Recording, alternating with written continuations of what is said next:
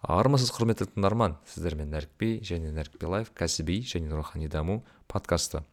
Ә, бүгінгі эпизодтың қонағы данияр қамдолла инстаграм желісінде дандай амокачи деп танылған біздің ағамыз. Данияр ағамен біз жеке дамудың түрлі түрлі салалары адам бойындағы таланттарды ашу өз ісіңді табу кітап оқу іздену тағы да басқа көптеген тақырыптарды қозғадық. Содан болу керек әңгімеміздің қызықтығынан және ә, өмірде жан өте жақын таныс болғанымыздан шығар. Ә, сұхбатымыз ә, ұзақтау болып шықты. Ә, сол себепті бұл подкаст екі бөлім болып шығады. Сіздер енді алдарыңызда бірінші бөлім. Ал енді мен еске сала кетейін ә, біздің жоба ә, толықтай тегін тыңдалымға. Бірақ егер бізді қолдағыңыз келсе қаржы көмек жасай аласыздар. Ол үшін эпизод түсіндірмесіндегі каспи нөмірімізге жомарттығыңызға байланысты соманы жібере аласыздар. Ал біз бастадық. Нарик билай кәсіби және рухани даму жайлы подкаст. Сәлем достар. Бүгін бізде көптен күткен қонақ көптен күткен подкаст эпизоды. Ә, бүгін бізде ә, дандай амокачи ака осылай танылған кісі. Ә, есімі данияр. Дәке қош келдіңіз. Қалайсыз? Жақсы жақсы рахмет. Сізді көріп бүгін енді қуанып отырмыз. Енді маған ең жиі жазатын ә, запрос вот осы ә, маған андай ссылкаларды жіберетін инстаграмға бүйтіп. Осы кісіні не істеңізші өте көп кітап оқиды өте көп күшті жаздар жазады сөйлессеңізші. Мен оларға түсіндіргім келеді. Менің бұл өмірдегі ағам менторым ә, көптеген заттарды осы ақыл ағылшын десем болады. Дәке енді бүгін құдай қаласа жақсы подкаст деп шығады деп ойлаймын. Ә, одан бұрын ә, бүгінгі бір ә, айтайық ремарка дейік. Ә, бүгін біз ә, орыс тілінде өтеміз және де орыс тілі неге өтетінін ә, дәке өзі түсіндіріп жіберер. Енді орысша ә, неге орысша айтамыз біз? Өйткені мен жақсы білмеймін қазақша. Шын айтқанда разговорный қазақша ана прикол бар ғой бір депутат түсіреді сол сияқты. Сол сияқты болып кетпесін деп ә, қазақша сөйлесем ол тілім жетпейді короче. Өскеменде туып өскен адам орыстардың арасында сол сәл тілім дамыса дамығаннан кейін істеуге болады. Бірақ та қазір мен дайын емеспін. Өйткені біздің қолданатын терминдер кішкене ауырлау термин да ол қазақшасын білмеймін шын айтқанда. Сол себеп ең басты себеп сол ғой. Сол үшін орысша жазғанымыз дұрыс болады деп ойлаймын. Сондықтан мен де өзім айтам менен де кейде сұрайды неге орысша подкасттар шығады? Мен айтам ә, қазақша сөйлей алғанмен адам адам өзінің ойын ә, жеңіл былай ер, еркін жеткізе алу керек. Сондықтан да сол қай тілде жеңіл бол сол тілде сөйлегенді ұнатамын. Тіпті ағылшын болса да. Иә? Бастысы иә дұрыс. информация информация болса болды. Вот. Так что осы секундтан бастап орысшаға көшейік. Дәке вот вас знают как ә, я вот знаю вас как строителя такого частного. Знаю вас как э, путешественника. Знаю вас как э, э, ну любитель читать книги очень много э, и любитель их разбирать и так далее но самое ключевое кажется ваше качество это то, что вы э, хорошо знаете про развитие талантов. Вот.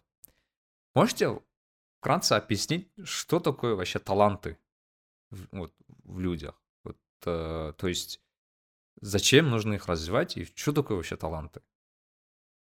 Хорошо. Ну, э, что такое таланты?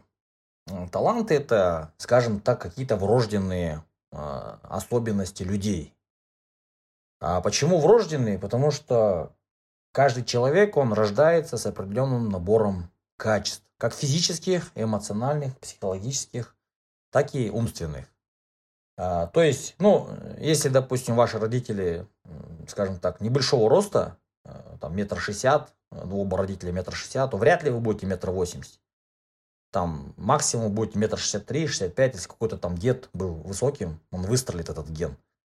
А если у вас там, не знаю, ноги, длина ног от пяток до бедра, там, скажем, столько-то, то, скажем так, у ваших детей то же самое будет примерно. Ну, то есть это какие-то врожденные параметры, да, вот Усейн Болт, почему он э, хороший там спортсмен, лучший в мире там по 100 метровке, потому что у него ну, скажем так, 90% взрывных мышц, которые нужны при 100-метровке. Но он не сможет, например, марафон выиграть. Сколько бы он ни тренировался. А Кипчогу наоборот, он 100-метровку не выиграет, потому что он будет таким средненьким э, спринтером, скажем. Основно на Стайрос-Кибеку. Также то же самое и э, касается набора психологических параметров. Кто-то более там, а, не знаю, склонен к математике, к расчетам, да, кто-то более склонен к коммуникациям, кто-то более склонен там, к эмоциональному, там, к эмпатии, эмоциональным каким-то качествам. Поэтому у каждого человека есть свой набор, скажем так, э, врожденных талантов. Вот. А в наше время как бы проблема есть такая, что люди, ну много же людей не знают, что они хотят, э, вроде они идут учиться там на одну специальность, а потом получается, что это не его, там на третьем курсе они хотят бросить, кто-то даже бросает, потом бывает люди отучиваются и потом, э, ну на юриста, допустим, учатся, идут работать, начинают юристом, 2-3 года работают, потом ну, вся, все эти 2-3 года у них проходят там, в внутренней борьбе там, своей, да, вот мама хотела, чтобы я юристом стал, что-то мне не нравится эта тема.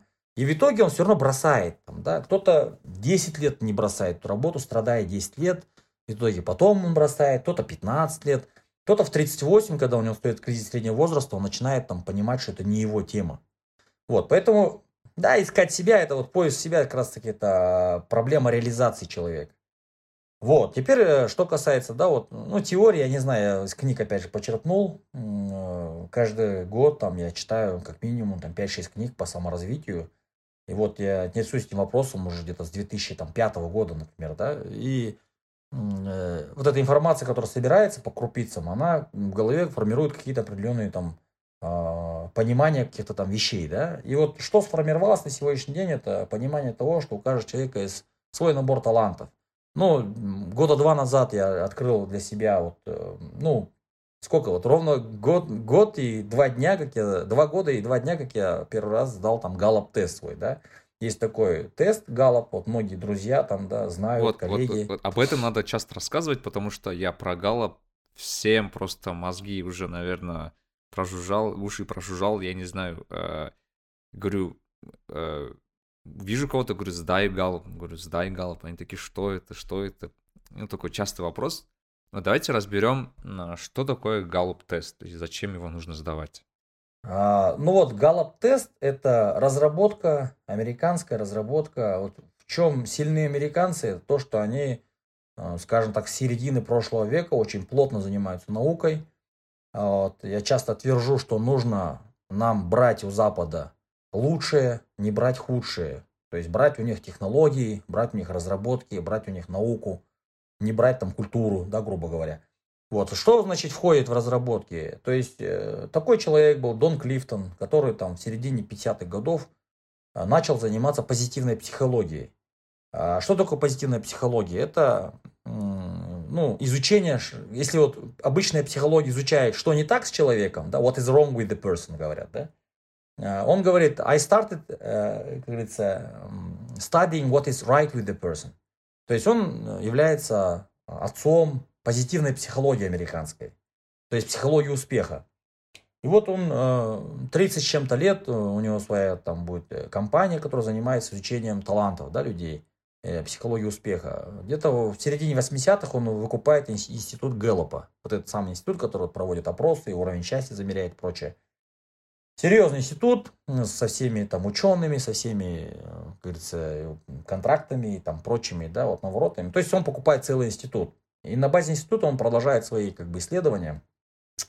Вот, они, значит, начинают э, плотно как бы изучать эту тему. Более миллиона человек они изучают. Около 80 тысяч успешных менеджеров они изучают и, в общем, выводят какие-то определенные параметры то есть, э, ну, там, говорят, их было пара сотен, но они оставили 34 параметра а, человека, которые как бы и, и имеют влияние да, на жизнь и играют роль в жизни человека как, как вот элементы лидерства.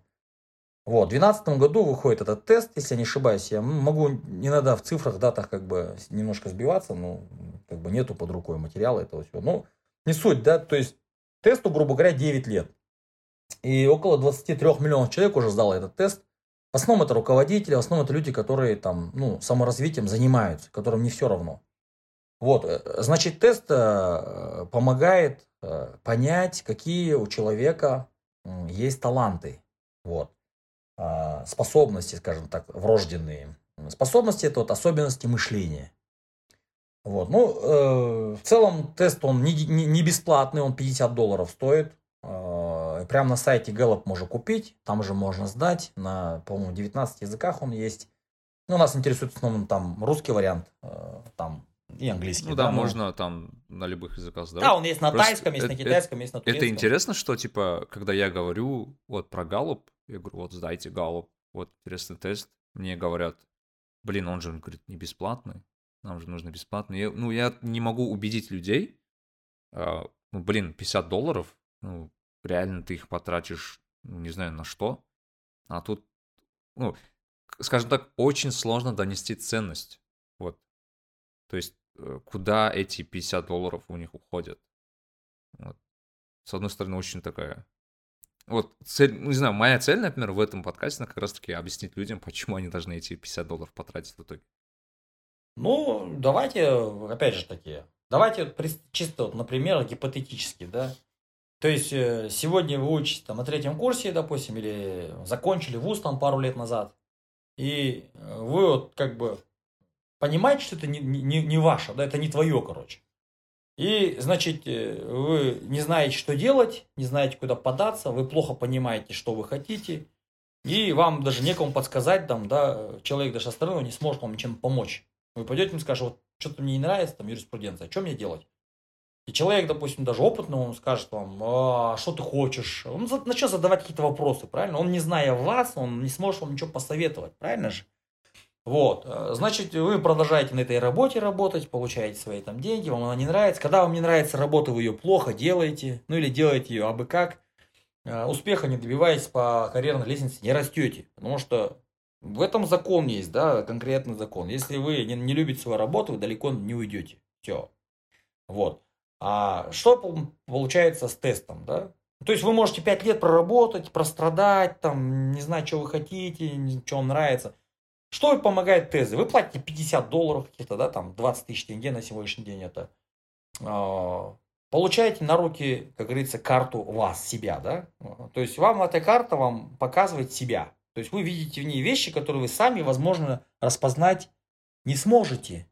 То есть человек не сможет себя узнать э, без этого психометрического теста, не сможет себя узнать, ну, сможет, но он потратит на это 15 лет, скажем так. Ну, человек вот 35 годам понимает, что, оказывается, вот ему вот это нравится, вот это не нравится, вот это он может, это не может. А тест помогает тебе сэкономить годы. То есть, если ты допрешь до, как бы, до состояния понимания, что ты хочешь, да, и что у тебя хорошо получается через там 5-10 лет, то с тестом он тебе покажет сразу же, там, шорткат тебе будет, да, скажет, смотри, вот, не надо тебе 5 лет тратить, ты вот видишь, у тебя там аналитика сильная, у тебя там коммуникация сильная, у тебя там эмпатия сильная. Ты должен делать вот это, вот это, вот это. Ну, тест, опять же таки, он только способности выявляет, куда вам идти работать и чем заниматься, он вам не подскажет. Но, по крайней мере, у вас будет на руках компас. Правильно же? Вот. То есть вы э, переключаетесь, скажем так, на уже новые какие-то там задачи, э, с которые будут соответствовать вашим способностям. Вам начнется нравиться, нравиться работа, которой вы занимаетесь, потому что она будет заточена под ваши врожденные таланты.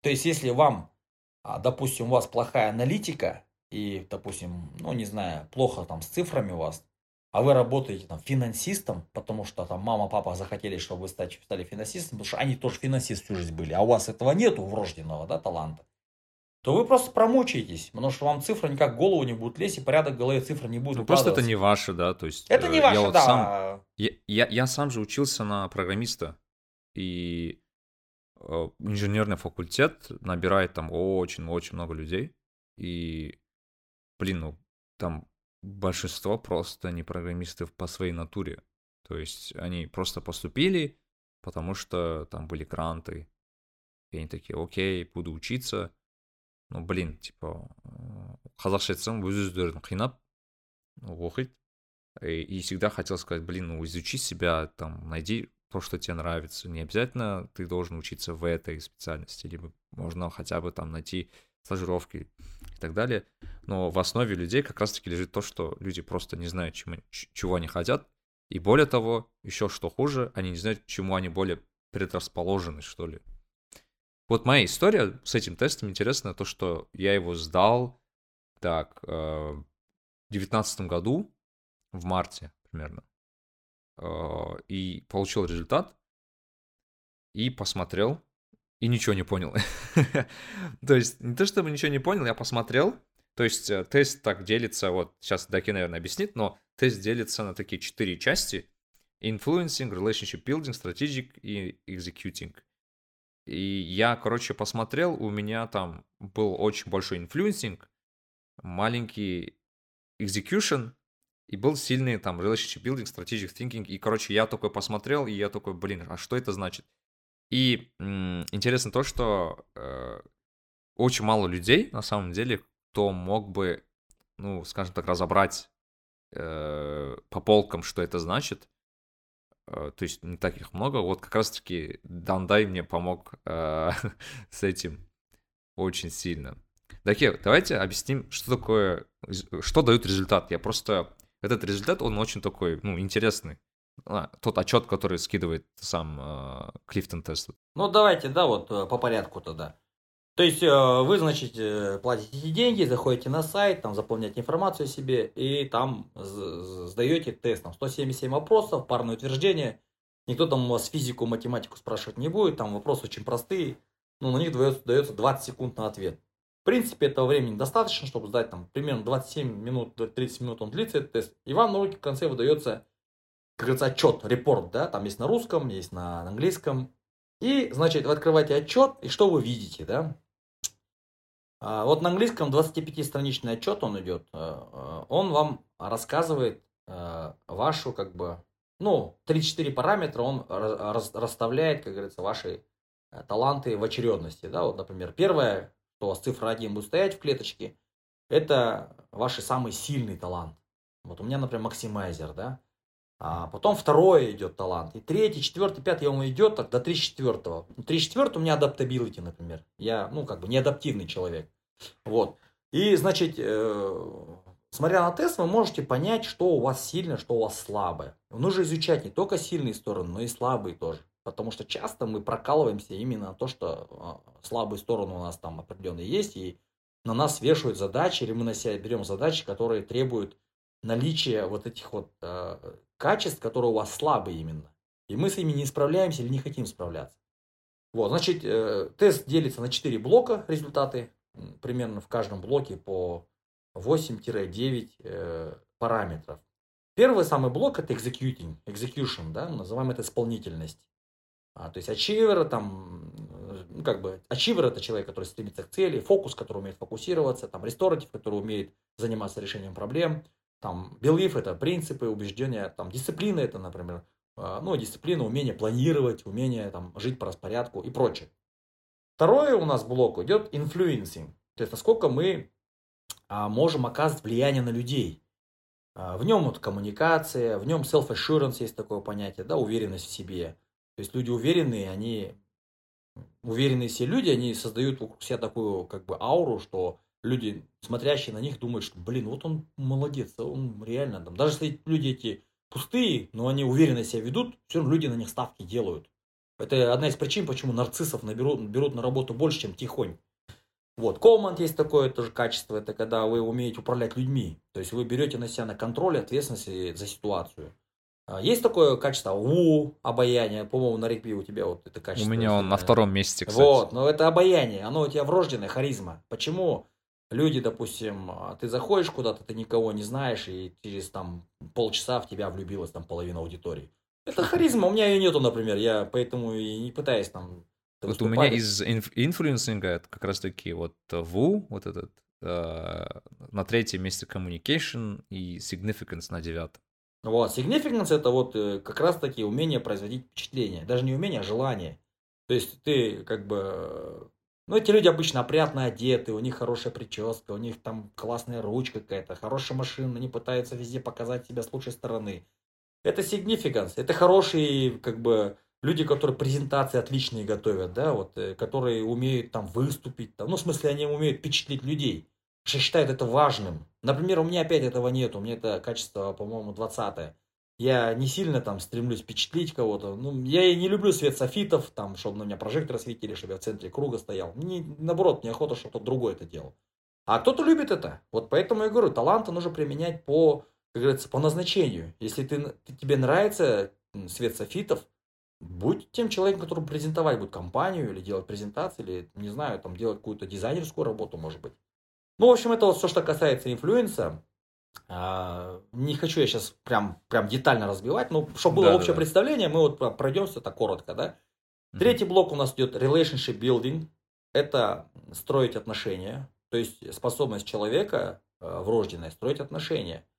То есть туда входит эмпатия, например, насколько мы умеем да, на себя, э, как говорится, примерять э, чувства других людей, сколько мы можем сопереживать. Это очень такое качество, которое сближает людей. Вот вы знаете, вы, вы инстинктивно тянетесь к людям, которые сильно эмпатии, потому что вы можете пойти к ним с проблемами, они вас выслушают, они с вами поплачут, если надо будет. Особенно вот женщинам это очень важно, да. У меня эмпатия на одиннадцатом месте. А, ну, значит, тоже, значит, у тебя работает это. То есть ты, когда видишь человека, когда плохо, тебе самому становится плохо. Это тоже один из элементов, почему ты притягиваешь людей, например. Потом там есть такое как качество, как, например, ну, позитивити, например, тоже, да, это когда вот э, ты с оптимизмом смотришь на жизнь. Такие люди всегда как бы желанные гости, желанные друзья, потому что приходишь к ним угрюмый, и они говорят, да ладно, все нормально будет, не переживай, все классно будет, и все, у тебя там настроение поднялось. То есть такие люди тоже они как зажигалочки такие, все хотят там притянуться. Есть такое качество. У меня, индивиду... у меня он на седьмом месте, да. Тоже вот, что ну, тоже хорош. То есть ты больше оптимист, чем пессимист.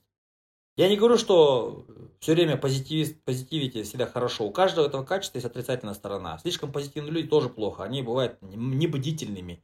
Они бывают проблемы, если они их не решают. Говорят, а ладно, все нормально будет, и все, я забиваю на них. То есть здесь, опять же, нужно правильное качество. Знать себя нужно хорошо. Есть качество хармони, например. Это люди, которые э, как бы не, не любят конфликты, пытаются их избегать или сглаживать. Где-то это качество очень нужно, на переговорах, например. Например, когда нужно там склеить каких-то людей, эти люди незаменимы просто. Вот. Э, ну вот, э, значит, там тоже 9 параметров, вот э, именно в этом блоке 9. У, у меня, короче, на, на первом месте individualization вот этот. Вот, это означает... Это, это вообще прикольно. Это означает, что ты очень заинтересован в людях вообще. Тебе каждый человек интересен, а он для тебя особенный. Правильно? Любой человек. Ну, ты будешь За это мы делаем подкасты, кажется. Ну, то, что я Наверное, да. Потому да? что есть люди, поверь мне, которых это качество 27 или 30 им вообще плевать, да, какой человек, что у него там большой нос, что у него там, э, не знаю, там образование кембриджское, да, он как-то для него человек и все. Для, него, для них люди какая-то серая масса, потому что как бы они с ними взаимодействуют, но не увлекают, не спрашивают. Вот у меня тоже это качество, например, пятое, да, я, у меня индивидуализация сильный. Я, например, когда с человеком знакомлюсь, спрашиваю, а где учился, а где жил, откуда родом. Бэкграунд узнаете. Да, да, мне сразу это важно узнать, потому что они эти вопросы на автомате происходят, да, я не потому что там я как шпион какой-то, да, мне просто важно, с кем я разговариваю. Потому что контекст э, важен для меня. Ну, мое, у меня такое восприятие мира. У кого-то индивидуализация слабо, он не будет эти вопросы задавать. Меня даже на меня так смотрят после пяти вопросов. И говорят, что прокурор, что ли, типа, зачем тебе это все? Зачем ты это спрашиваешь, да? И с таким подозрением смотрят на меня. Ну, я говорю, ладно, как бы, не хочешь, не рассказывай, как проблем нету. Вот, это вот тоже вот такое качество. Э, все это помогает relationship билдингу, потому что, ну, вот эти параметры, они все а, помогают сблизиться с человеком. Вот, это вот что касается relationship билдинга, да. Э, четвертый блок у нас идет э, strategic thinking называется, да, стратегическое мышление. Туда входит аналитика, вот input такое качество у меня на второе. Вот у меня спрашивают, да, как ты запоминаешь все это? Да мне интересно просто это. Вот люди, у которых сильный input, а, обычно они прям стремятся к а, энциклопедическим знаниям. Вот он может тебе рассказать и про погоду, и про климат, и про каких-то там музыкантов до 19 века, и там, не знаю, могут тебе про металлы рассказать, могут тебе про астрологию. И, и вот иной человек, у которого импута нету, он удивляется, почему тот человек так много знает, да? Да все очень просто, если ты интересуешься, ты будешь это запоминать. Ну, не знаю, мне все интересно. Вот я иногда бывает, могу с одной темы на другую прыгать, вот сидеть в Википедии, читать одно, другое, третье, на, на пятый сайт перепрыгнул.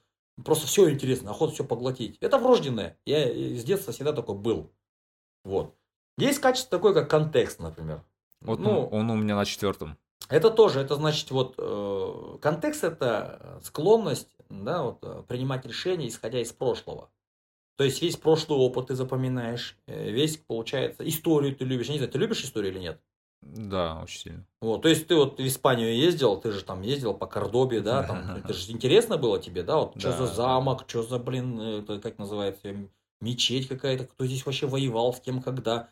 Поверь, да, у кого контекста нету, этим людям плевать, что вчера было. Они вот забывают буквально то, что вчера было. Я вот не шучу, просто человек уже, ну, 200, наверное, с этим тестом мы сидели, разбирали, на сегодняшний день человек 200 прошло, да, вот, ну, друзья, коллеги. Вы же там, лично да. разбирали, да, их? Каждого, каждого разбирал, можно сказать, э, где-то было группы по 3-4 человека.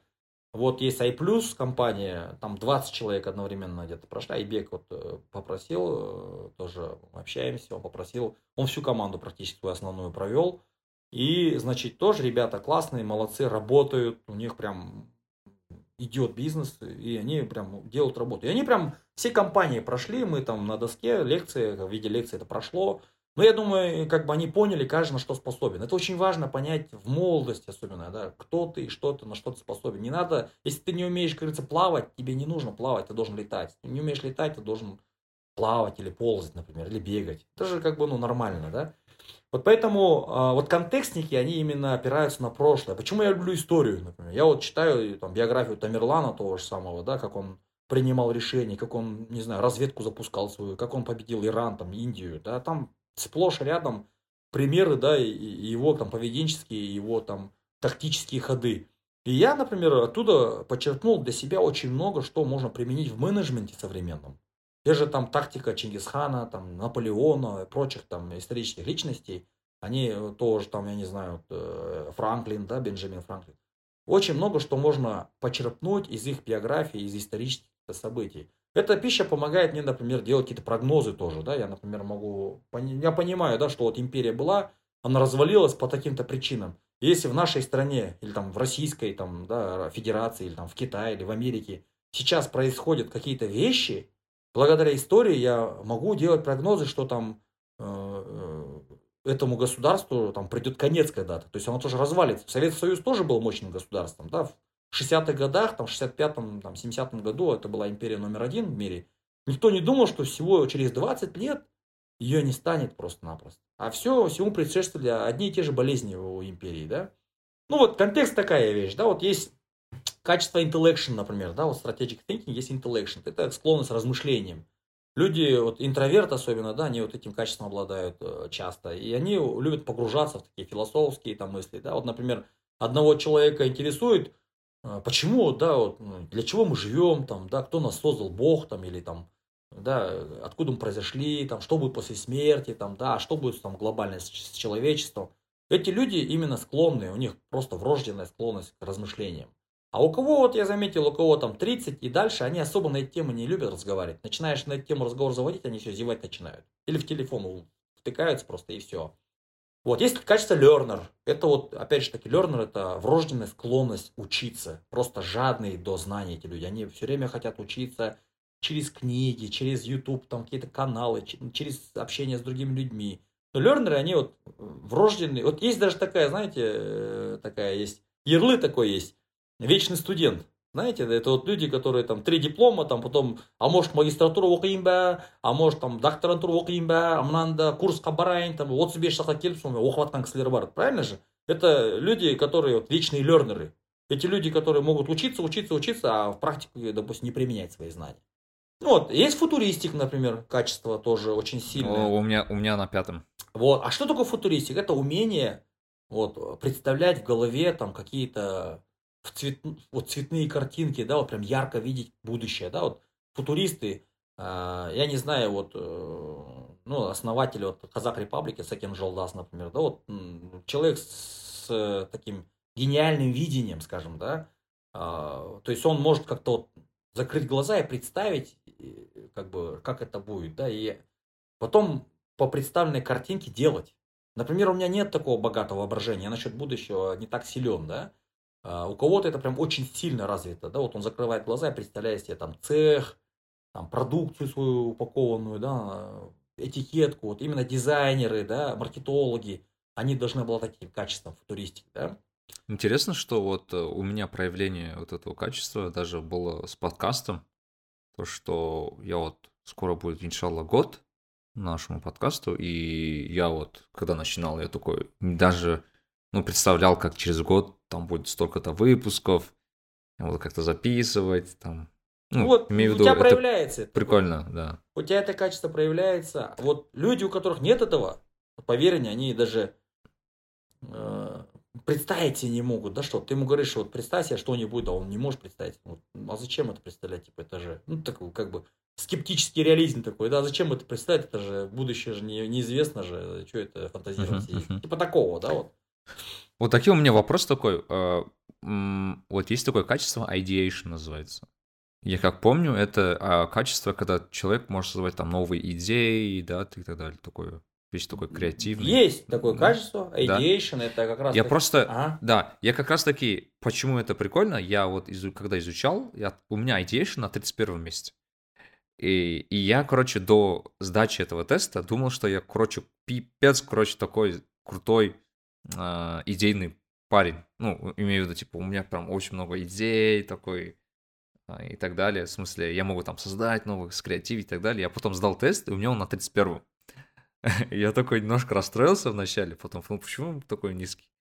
А потом просто понял, что, ну, то, что я сам немного самим себя был немножко обманут, что ли, как, не знаю. Ну, то есть, я так думал, а тест показал обратное, как бы. Ну, бывает, бывает, что я тоже, например, когда первый раз, э, как бы, ну, увидел adap- adaptability на последнем месте, я сказал, нет, я очень адаптивный, я там могу А у нас же, построить». кстати, одинаково, у меня тоже на 34-м. Ну, то есть, э, неадаптивность это, как сказать, мы не можем, а если вот э, что-то нам не понравилось, не соответствует нашим убеждениям, мы не будем это принимать. То есть мы не будем, мы не можем понимать там людей, прощать там, да, если человек вот, например, явно врет мне, он не соответствует моим убеждениям, да, я с этим человеком не хочу общаться, там какие-то дела иметь, тем более вообще разговаривать даже не хочу, даже здороваться не хочу, вот не хочу и все, мне там, э, вот люди с высокой адаптивностью, они умеют как-то людей понимать, прощать, там, принимать ими, их такими, какие они есть. Э, У меня есть такие друзья, которые вот, они прям, вот, эй, жарайды, бола берсін сондай, да, и бара салайық, істей салайық, блин, он же такой же, говорю. И ничего страшного, бара салайықшы там, типа, ну, ойламай ақ қойшы, типа. Они, они, например, не думают, да, вот, э, что человек такой, они могут, а, умеют отключать вот эту вот предвзятость, назовем это, или там, не знаю, бзыки какие-то. Ничего не поделаешь, это вот качество, я не могу себя переделать. Я просто, э, в чем мое отличие, я, я понял, что я такой, и я не пытаюсь из-за этого там себя укорять, что я там э, со всеми на контакт не хочу идти. Ну, вот такое у меня качество, это мой минус, но это мой плюс. Он помогает мне, например, из-за своей неадаптивности, я, например, выстроив стратегию, я избегаю людей, скажем так, э, безнравственных там, там или обманщиков, или каких-то там завистников, там, да, мне, у меня конкретный фильтр стоит, если я правильно использую это качество, все, я защищен от таких людей. То есть ко мне из 10 человек только один просачивается такой. А те, у кого, у кого высокая адаптивность, они бывают вот, бывает же друг или подруга какие-то вот паразиты, да, вот она подруга звонит, ой, привет, как дела, там, что делаешь, там, а давай, вот она ему, она знает, что там, допустим, она сейчас у него будет деньги просить, там, куда-то затягивать на какие-то там мероприятия, где там, которые там, тебе не Пирамиды нужны. всякие. И ты будешь, да, вот следовать, потому что тебе жалко там ей отказать, там, тебе там стыдно отказать, вы же там подруги уже 10 лет, там, с детства друг друга знаете. И вот э, как бы неохота, но все равно ты находишь себе какие-то там отмазки, да, чтобы пара салайн, там, кездесе салаях, там, утраях, там, да, вот это вот. А почему? Потому что у тебя адаптивность высокая. Ты подстраиваешься под любого подонка, да, назовем это. Ну, ничего не сделаешь, это такое качество. Она где-то в плюс играет, где-то в минус играет. Надо просто знать себя хорошо, и тогда ты сможешь правильно использовать. Если вот говорить об ideation твоем, ну, креатив это, это креатив ideation, это, во-первых, креатив. Во-вторых, это а, а, приверженность идеям каким-то. То есть, если тебе какая-то идея закинется хорошая, ты, может быть, не сразу будешь на нее реагировать. Тебе она не покажется привлекательной, ты там не готов будешь за нее там идти умирать. Вот такой ideation высокий, они такие, они, во-первых, генерируют идеи часто, да, сильно могут генерировать идеи. Креативные бывают, там люди могут там быстро придумать что-то такое интересное. И как бы, когда чьи-то идеи интересные к ним приходят, они на ура их поддерживают. Вот это состояние. Такие идейные люди, да, такие вот? за идейные, идею и плюс, плюс за идею чью-то тоже они пойдут, всем она понравится. М. Например, вот ideation плюс футуристик это вот именно такие вот, а, как сказать, революционеры там в моде, в дизайне, там, да, в каких-то там фишках, там, каких-то новых концепциях, ну, ну, таких вот, как говорится, визуально такое что-то красивое могут создавать они, да, вот именно футуристики. Я думаю, что это и может быть и в музыке композиторы хорошие могут быть. М, Ну, как бы и некоторые профессии не требуют креатива. Вот если у тебя этот креатив есть врожденный, лучше заниматься этими профессиями, а не там твердыми вычислениями, да, чего-то. Ну, Вот. бывают же люди, которые говорят, типа, я вот хочу заниматься дизайном, мне говорят. И Мгм. я, я всегда говорю, сдай тест, и Мгм. давай мы посмотрим, на каком месте у тебя ideation. Если ideation высокий, то да. Если нет, то, блин, надо подумать. Ну, То есть я к тому, что тест очень хорошо дает тебе вот изначальную точку твою, короче, вот откуда ты вот идешь. да, От- да, правильно. То есть э, тест, он, э, ну, это новый как бы тест. Есть много психометрических разных тестов, э, поведение на рабочем месте, там диск-тест, там российские многие какие-то там тесты тоже есть. Вот, но я не знаю, я как бы э, не хочу 50 штук тестов там ра- раз, а, как бы изучить и там 50 тестов использовать. Нет, для меня там парочки тестов хватает, в принципе, чтобы уже а, приблизительно понять, какой человек, да, ну, себя лично и там окружение, там каких-то коллег, где-то мы сейчас вот сейчас помогаем молодым ребятам тоже вырасти там в своей специализации, да, архитектура, строительство. Ну, это важно, чтобы человек как бы а, понял себя, да. И вот э, еще один тест есть Myers-Briggs, я не знаю, сейчас... Вот, я, хот- я хотел про это говорить, да. Вот есть несколько тестов, вот есть Myers-Briggs, есть 16 Personalities, есть там еще какие-то вот базовые, которые все, ну, а, обсуждают. Вот Myers-Briggs, она чем отлич... Какое отличие Myers-Briggs от, скажем, от Gallup'а? А Myers-Briggs – это тест, который был э, разработан э, э, двумя женщинами. Отец – это мать и дочка. То есть, отец, говорю, мать и дочка – это Изабелла Майерс, Катарина Брикс. Они на основе теории м, психотипов, да, концепции, выдвинутой Карлом Юнгом в 1920 году, они начали как бы эту теорию развивать дальше. Карл Юнг, по-моему, если не ошибаюсь, я не изучал подробно, но около шести, что ли, психотипов личности вывел. То есть он вообще выдвинул такую, как бы, а, такое понятие, как психотип. То есть, что люди делятся на психотипы. Они там врожденные, да, и эти две женщины начали уже в 40-х, они уже начали какие-то там научные писать статьи, там на эту тему начали развивать. Ну, Вот, насколько я, э, опять же, исторически точную дату не скажу, но где-то в 78 году у них уже был какой-то такой уже более-менее серьезная работа проведена. Ну, представьте, 30-40 лет они занимались этим тестом. То есть они э, выдвинули вот 16, 16 personality, это есть 16 психотипов личности. То есть там есть 4 пары, э, интроверт, экстраверт, это первая пара. То есть человек либо интроверт, либо экстраверт. А, Потом есть э, sensing, да, и intuition, то есть э, ощущающий тип. Тот человек, который принимает э, как бы информацию реагирует больше на, опираясь на свои пять органов чувств. Ну, то есть зрение, слух, там, обоняние, там, кинестетика, да. А, или он интуитивный тип. Он больше такой абстрактный, какие-то там идеи, да, тоже вот мысли, что-то такое вот.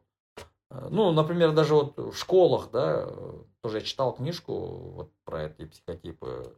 Интуитам лучше дается математика, потому что математика абстрактный предмет, правильно? Почему там некоторые дети в школе сразу рвут вперед математику в первом классе? Там дважды три, на шесть, там они запоминают быстро таблицу умножения. А некоторым детям тяжело идет математика, прям тяжело, потому что для них э, абстрактные цифры, они ничего не значат. Для них это какая-то непонятная там символ какой-то на доске на- нарисовали, там 3, да, что такое 3, это непонятно, загогульная какая-то, да. И они не понимают, что эту цифру можно применить там количеству там камней, там или веток, или карандашей, правильно же? И, и- им трудно очень дается математика, поэтому как бы и интуитам им тяжелее абстрактные вещи даются, они более такие реалисты по жизни. Это вот вторая пара, да. Третья пара это вот thinking или feeling, Э, то есть э, размышляющий тип или чувствующий тип. Вот есть же люди, которые вот чисто рационально, логикой думают. Я такой, я, например, thinking тип, да, для меня логика важнее, чем чувство. То есть, если... Я feeling. Вот, feeling, то есть, сен адам көңілі қарайсың да, например. А мен на- логика, Да, да, да. ну, ман, э, как бы, э, чуть на турецком не сказал, мантык, да? Логика есть или нету? Если логика есть, для меня как бы целесообразно делать. Если логики нету, то для меня это как бы глупость это делать. А и часто, когда с людьми чувствующими ты где-то пересекаешь, какая-то проблема есть, нужно решать ее, и там вот приходит вот и говорит, блин, вот, вот это так сделал. Я говорю, ну иди, скажи ему, что он неправильно сделал. В чем проблема? Иди, наедь на него там, да, потребуй. И вот смотришь, этот человек замежевался такой, да, он не хочет это делать. Я не понимаю, почему не хочет это делать. Но после как бы изучения уже этих вот э, концепций, теорий, я понимаю, что если человек чувствующий, например, он пойти кому-то в лицо прямо высказать что он не может, потому что он э, как бы не хочет, чтобы тот человек обиделся, чтобы тот человек там испугался неправильно понял.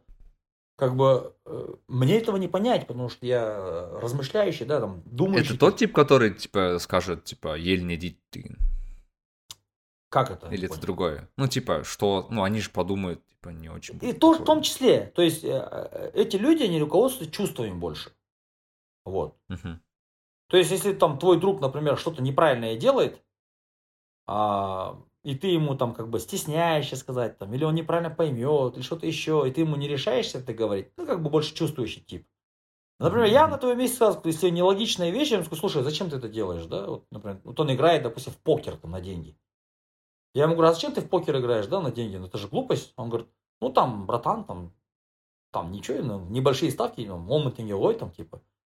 Для меня это нелогично. Это, он, где он тенге, завтра там 100 мың тенге. Где 100 мың тенге, там миллион тенге. И все, и он завтра квартиру проиграет, допустим, да, свою. Это же, ну, есть случаи много, я в жизни всякое видал, допустим. А, ну, а, например, ты, может быть, ему постесняешься сказать. Это как бы вот, вот психотипа не объясняет поведение человека. Понимаете? Вот, как бы оно вот так вот работает.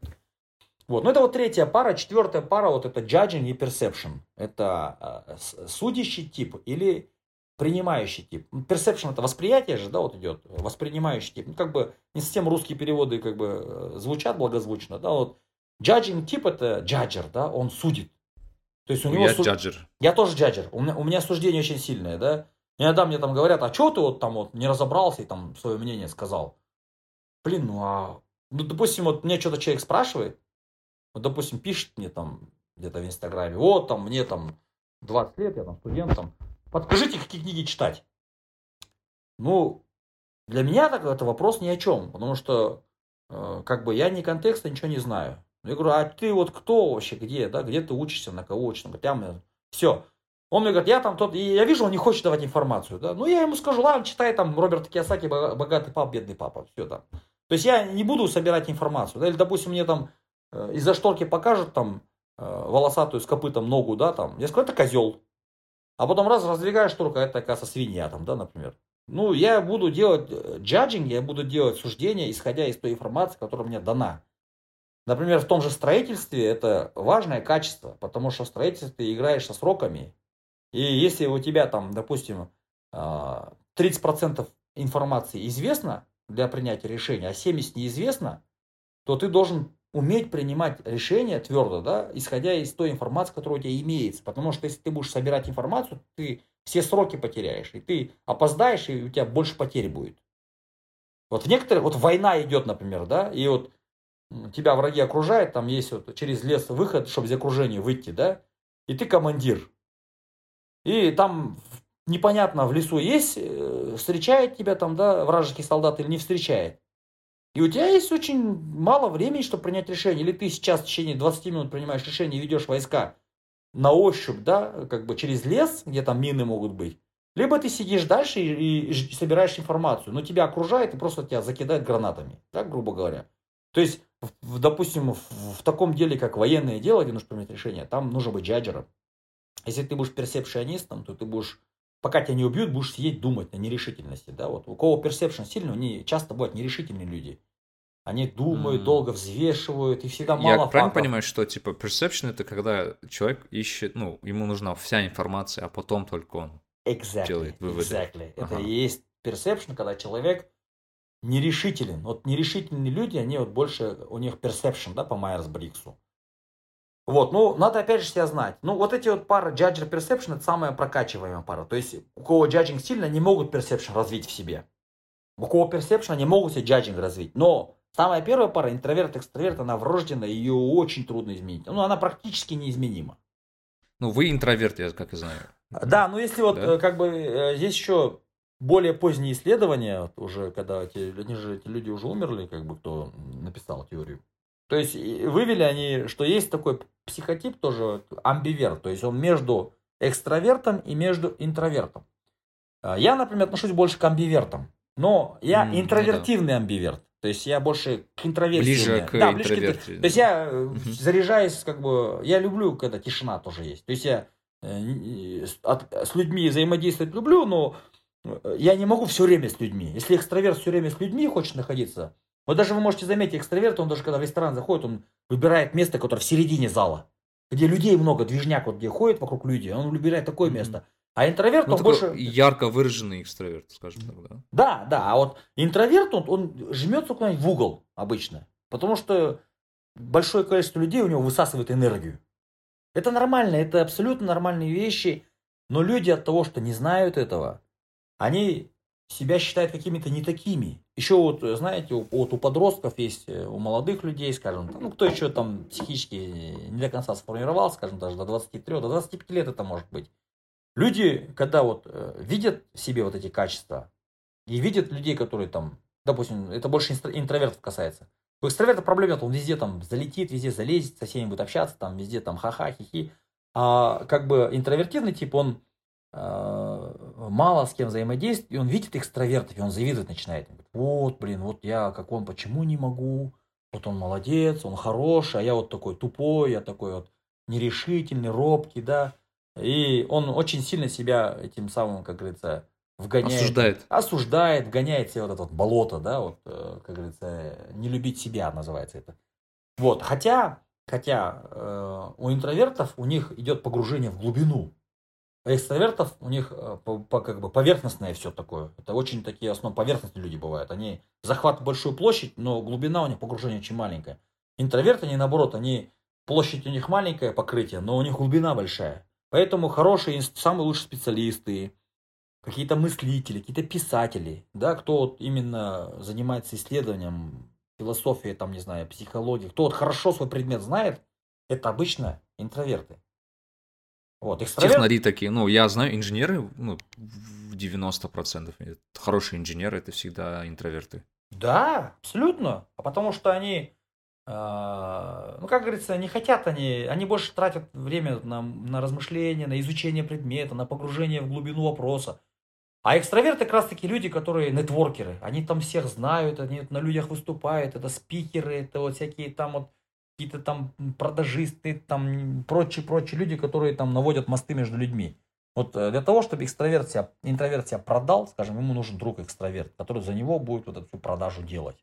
То есть, опять же, мы э, идем к вопросу сотрудничества. Когда в Галлопе то же самое, если тебе не хватает каких-то качеств, и ты полез в бизнес, то ты будешь страдать от того, что у тебя нет этих качеств. Но если ты возьмешь себе партнера, который будет компенсировать твои недостатки, вероятность того, что ты успешный бизнес построишь, возрастет несколько раз. То же самое и по Майерс-Бриксу. То есть человек, по идее, должен себя хорошо изучить. Вот мы вот подходим к такой истине, да, э, человек должен себя хорошо изучить.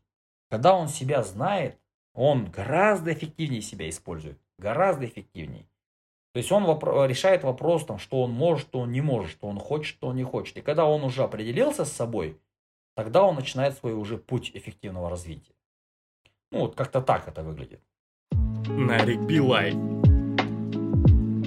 Интересно, что, ну, есть компании даже, вот я знаю, а, когда подаешься туда, то они спрашивают два теста. Они сначала спрашивают Gallup твой, и второй э, 16 personalities, то есть, э, то есть какие у тебя э, рез- результаты. Потому Ну, что 16 personalities кас- это и есть Myers-Briggs.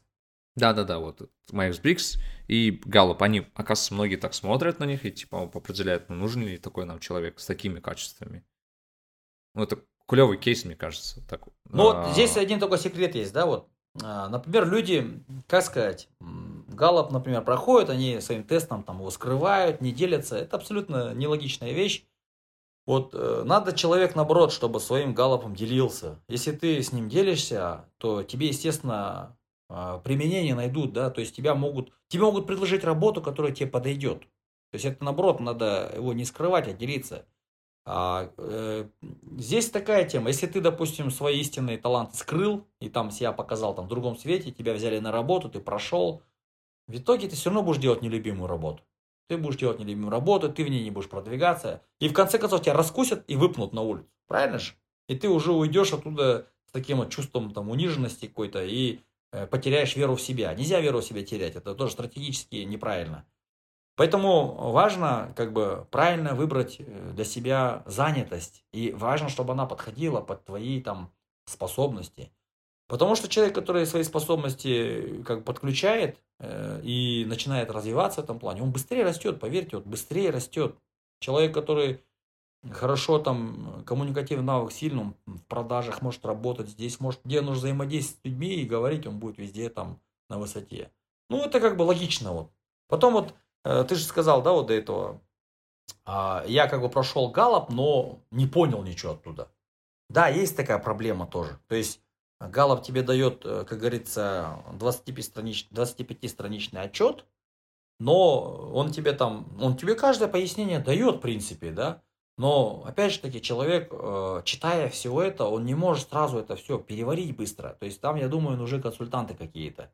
То есть кто в галопе разбирается. Ну, есть у нас в Казахстане, в Алмате, вот тоже есть ребята, которые, даже есть сертифицированные там коучи какие-то, да, по галопу, можно к ним обратиться, а может там, ну, как бы, заплатить, если вам это прям нужно, он вас будет даже прокачивать. Ну, я вот точно скажу, что после галопа хорошо бы по таким специалистам пойти, потому что сам тест, да, он интересный, да, тебе ты много чего не знаешь, но просто надо еще вот надо пояснить, мне кажется, что э, результат надо воспринимать э, в, в купе. То есть, например, я вот по своему тесту расскажу, то есть это абсолютно такая публичная инфа.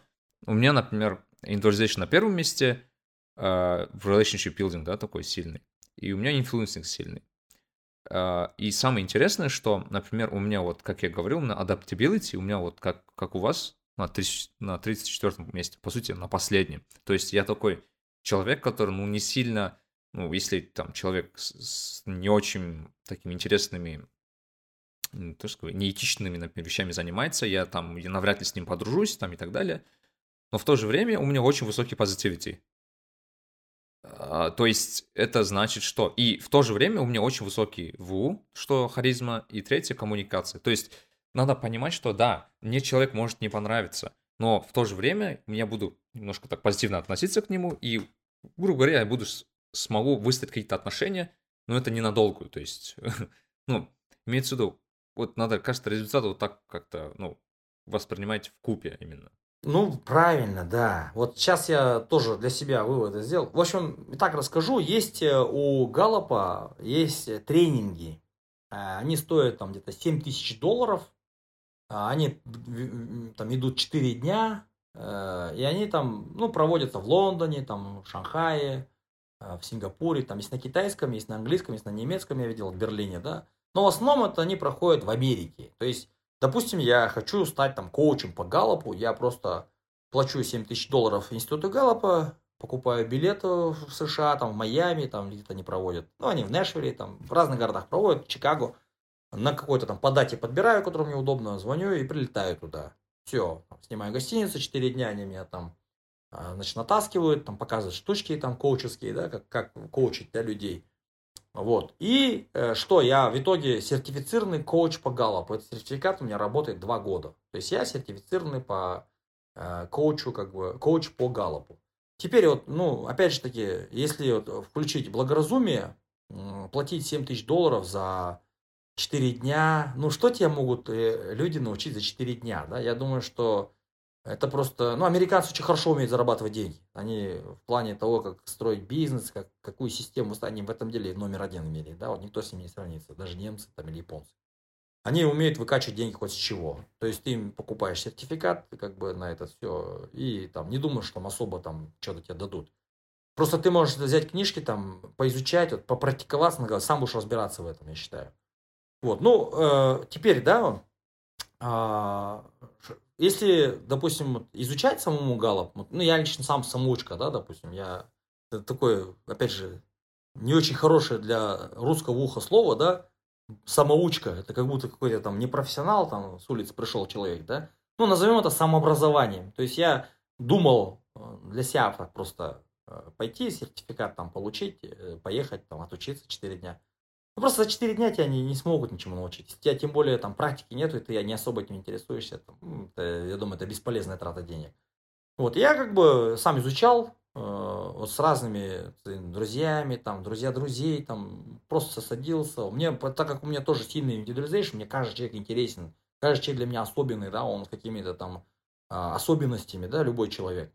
И я могу сразу подметить э, у какого-то человека особенности. Вот, допустим, человек там, не знаю, там, небольшого роста, но он там, допустим, английский хорошо знает. Я не буду смотреть на его рост, скажу, да он английский, смотри, как знает. Видишь, он вообще супер там говорит.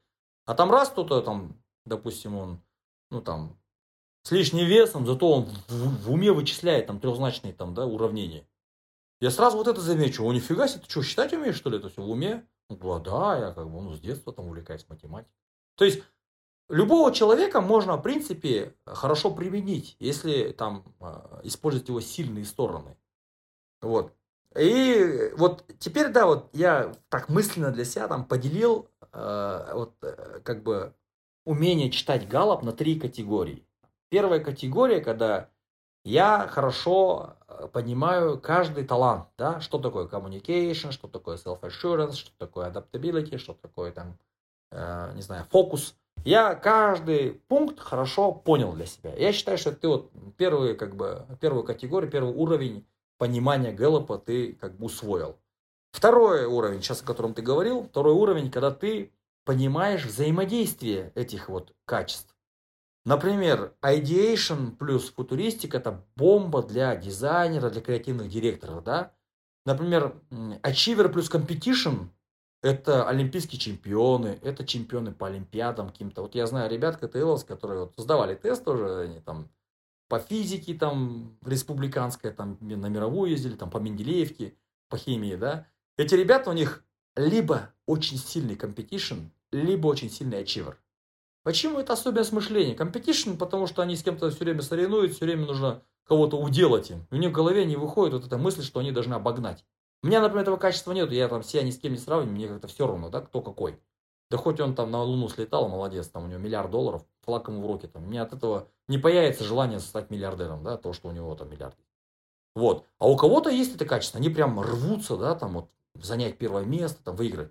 То же самое касается ачиверов. Ачивер, он не может не думать о цели. Я, например, тоже не ачивер, я цель ставлю, я могу о ней там, а ладно, фиг с ним, там, не надо это делать. А вот ачиверы, они вот в голову себе как цель поставили, все, они уснуть не могут. Они просто ночами не спят, чтобы цель, как бы, ну, лишь бы эту цель сделать. Если там что-то, э, э, если он не приближается к цели, он кушать не может. Он может не есть, как, блин, мы там вот, ну, тоже вот у нас есть, э, как бы, наш коллега тоже, он, ачивер у него первое качество. И вот он не может без работы, да, без каких-то задач. Он там одно, другое делает. Вот он сейчас как-то вот нету какой-то зимний период, он пошел грузовик купил, да, на этом грузовике сам возит грузы, да, Потом раз, вот, говоришь, все, вот, делаем такие работы, там, бетон заливаем, да. Все, он там звонит, говорит, блин, мы сегодня всего 50 кубов залили, нету там арматуры, нету там опалубки, какие нам не дали, все. Вот. Если он ничего не сделал задний, спать ложится, он всю ночь не спит, потому что у него задача не выполнена. Это вот такой психотип, да, вот такой человек, ничего не сделаешь с этим. Я, например, не имея этого качества, я должен с таким человеком кооперироваться, потому что он будет как раз эту работу делать, которую там достигать цели нужно. Вот, поэтому вот знать комбинации это тоже отдельная там вот э, фишка, да. Вот BI у нас такая компания есть, э, известная в Казахстане. Вот профиль BI человека, который поднимется там точно, да, это вот наличие там, в первой шестерке, пятерке качеств, это competition, это achiever и significance. Если у тебя эти три качества есть, ты в BI там дорастешь до совета директоров. Как бы это тоже такая тенденция. Если у тебя этих качеств нету, то вряд ли ты в BI задержишься надолго. То есть это все не придуманные вещи, это все как проверено практикой, да. Вот. И поэтому читать комбинации этих вот э, как талантов, это уже второй уровень понимания Галлопа. И третий уровень, да, это уже высший пилотаж, когда ты можешь вот так вот два-три человека Галлопа рядом положить, и эти три человека, допустим, хотят заняться бизнесом, там, открыть кофейню, например, да, и ты говоришь, ребята, у вас не получится, потому что у вас вот этого нету. Вы найдите себе кого-нибудь, кто будет там, допустим, вот эту тему вам делать, и у вас будет все хорошо. Или ты говоришь, ребята, вот, вы как раз друг друга в этом дополняете, все, у вас все получится вперед, да? Ну, то есть, как бы, по подбору команды у них все хорошо. То есть, это высший пилотаж уже, как бы, использования Гэллопа, когда ты можешь, а, как говорится, применить таланты команда, да, людей. Вот. Ну, я вот для, для себя вот так подразделил на три категории. Не, это интересно, на самом деле. То есть, для меня это такой очень крутой скилл, когда ты можешь просто вот по тесту, ну, блин, просто прочитать человека. То есть, буквально. Это просто я скажу, я с Даке, когда впервые увиделся, как раз отдал тест свой, и Даке мне дал разбор теста, ну, буквально за, за 5 минут. я прям очень сильно удивился. Вот. Но это же объяснимо. Ну, это, чисто... это объяснимо. Да, ну, это практика. Да. да, это практика. Почему я, например, часто настаиваю, да, чтобы люди... У нас же люди любят там теоретизировать все. Я не знаю, у меня вот активейтор седьмое качество, да, в Галлопе. Я не люблю, вот, когда вот эти длинные пространные обсуждения, длинный сбор информации, какие-то там начинается там, ой, вот болмайт, но блай болат, но блай болат.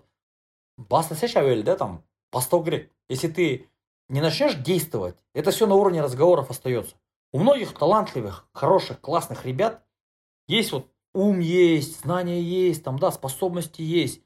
Но у них все остается на уровне обсуждений. Почему? Допустим, 3-4 друга собирается, начинает там бла-бла-бла-бла, давай это сделаем, давай это, а вот... И вот они не начинают это делать, потому что у них нет активейтора. То есть никто из них не говорит, э, все, хорош обсуждать, ребят, давайте берем, ну, выкопать надо. Он лопату берет, выходит с комнат, начинает эту землю копать. Потому что они уже неделю обсуждают, что траншею нужно выкопать, да, 10 метров до туалета, например. И он идет и начинает копать эту траншею. И другие уже потом, видишь, что тут пошел копать, они тоже берут лопаты, там кто-то кирку берет, идут, там помогают ему. Вот, это качество, вот, вот кстати, вот э, хочу отметить еще раз Айбека, да, вот Айбек это вот iPlus компания, это вот э, курсы.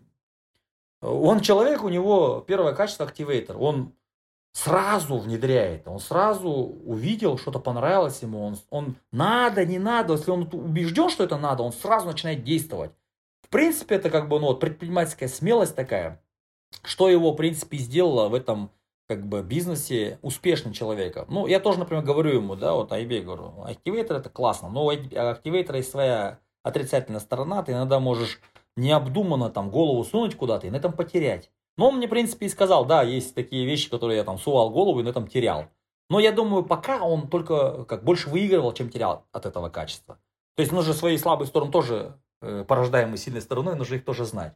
Вот, поэтому э, здесь вот, э, ну, это нормальное понимание, вот э, именно это практика. То есть практика, практика, практика. Я просто, ну, мне интересно, я, я деньги не прошу, да, за вот э, друзья, там все, там, ну, там, объясни мне тест, окей, садись, давай посмотрим, мне самому интересно, я сижу вместе с ним рассуждаю, смотри, у тебя вот это сильно, о, у тебя еще вот так вот, а это вот так, а это вот так у тебя, он говорит, да, это вот так, ну что-то вот с этим я не согласен, так, давай думать почему, да, мы сидим, смотрим, а, вот из-за этого получается, то есть там, когда смотришь комбинацию, уже как картина более ясной становится. Ну и поэтому, как бы, когда ты тратишь время, ты начинаешь понимать. Это в любом бизнесе. Если ты не можешь там колесо поменять на машине за 5 минут, просто потому что ты никогда колеса на машине не менял. Если ты 10 раз ну, колесо поменяешь, ты на 11 раз за 3 минуты это сделаешь. То же самое, допустим, вот иногда люди там, вот Хаздар, там, например, начинают что-то там выпекать, там торт какой-нибудь, да, какой-нибудь там делать салат, суп, и он у них там не получается, да, он у них не получается, этот суп, и они говорят, да ну его нафиг, короче, и бросают, и больше его не делают. Ну, конечно, ну, научиться делать там какой-нибудь там куриный или там э, чечевичный суп с первого раза, если не получилось, это не значит, что у тебя не получится. Просто это тоже навык, который нужно нарабатывать. Вот ты 20 раз этот суп попробовал приготовить, и каждый раз критические как бы мысли, да, что не так получилось. А почему там вкус не такой, да, какой хотела я. И поверьте, да, 20 раз человек, который суп этот попытается сварить, но на 21 раз он сделает суп не хуже там, да, лучшего повара. Вот, это как бы практика. Поэтому здесь ничего удивительного нету. Нарик Билай. Uh, у меня такой вопрос теперь. Uh, вот есть тест, вот есть разные, вот есть Briggs, есть Gallup, uh, еще какие-то разные тесты. Вот у меня вопрос. Э, я когда прознал про Галлоп, я такой задался вопросом, блин, а как, почему я его не сдал там, не знаю, когда я был ну, в университете. Ну, если бы он существовал в школе, я бы тоже в школе бы сдал. Вот как вы думаете, с какого возраста нужно это- этот тест, эти, эти тесты сдавать, то есть узнавать себя? Примерно это со школы, с университета. Хороший вопрос. А, Я думаю, что, ну, in my э, как бы humble opinion, как говорится, э, где-то лет с 15 можно сдавать его. То есть, когда человек способен понять вопросы, там же такие вопросы, вам там нравится общаться с историками или с футурологами. Если там человек не знает, что такое футуролог, то он на этот вопрос может не ответить. Ну, хотя там, в принципе, не страшно, если ты там какие-то вопросы не пропустил, какие-то там чуть неправильно ответил, это сильно на результат теста сильно не повлияет. Но 15 лет примерно, 15-16, я думаю, это самый такой лучший возраст. Потому что а, ребенку, там, да, подростку в это время, там, он учится в девятом классе, и у него уже как бы нужно выбирать, там, в каком направлении ему двигаться. Вот тоже у нас есть э, один очень близкий друг, э, зовут его Нурали Шакиров, он доктор, э, хи- кардиохирург, вот в Алмате работает.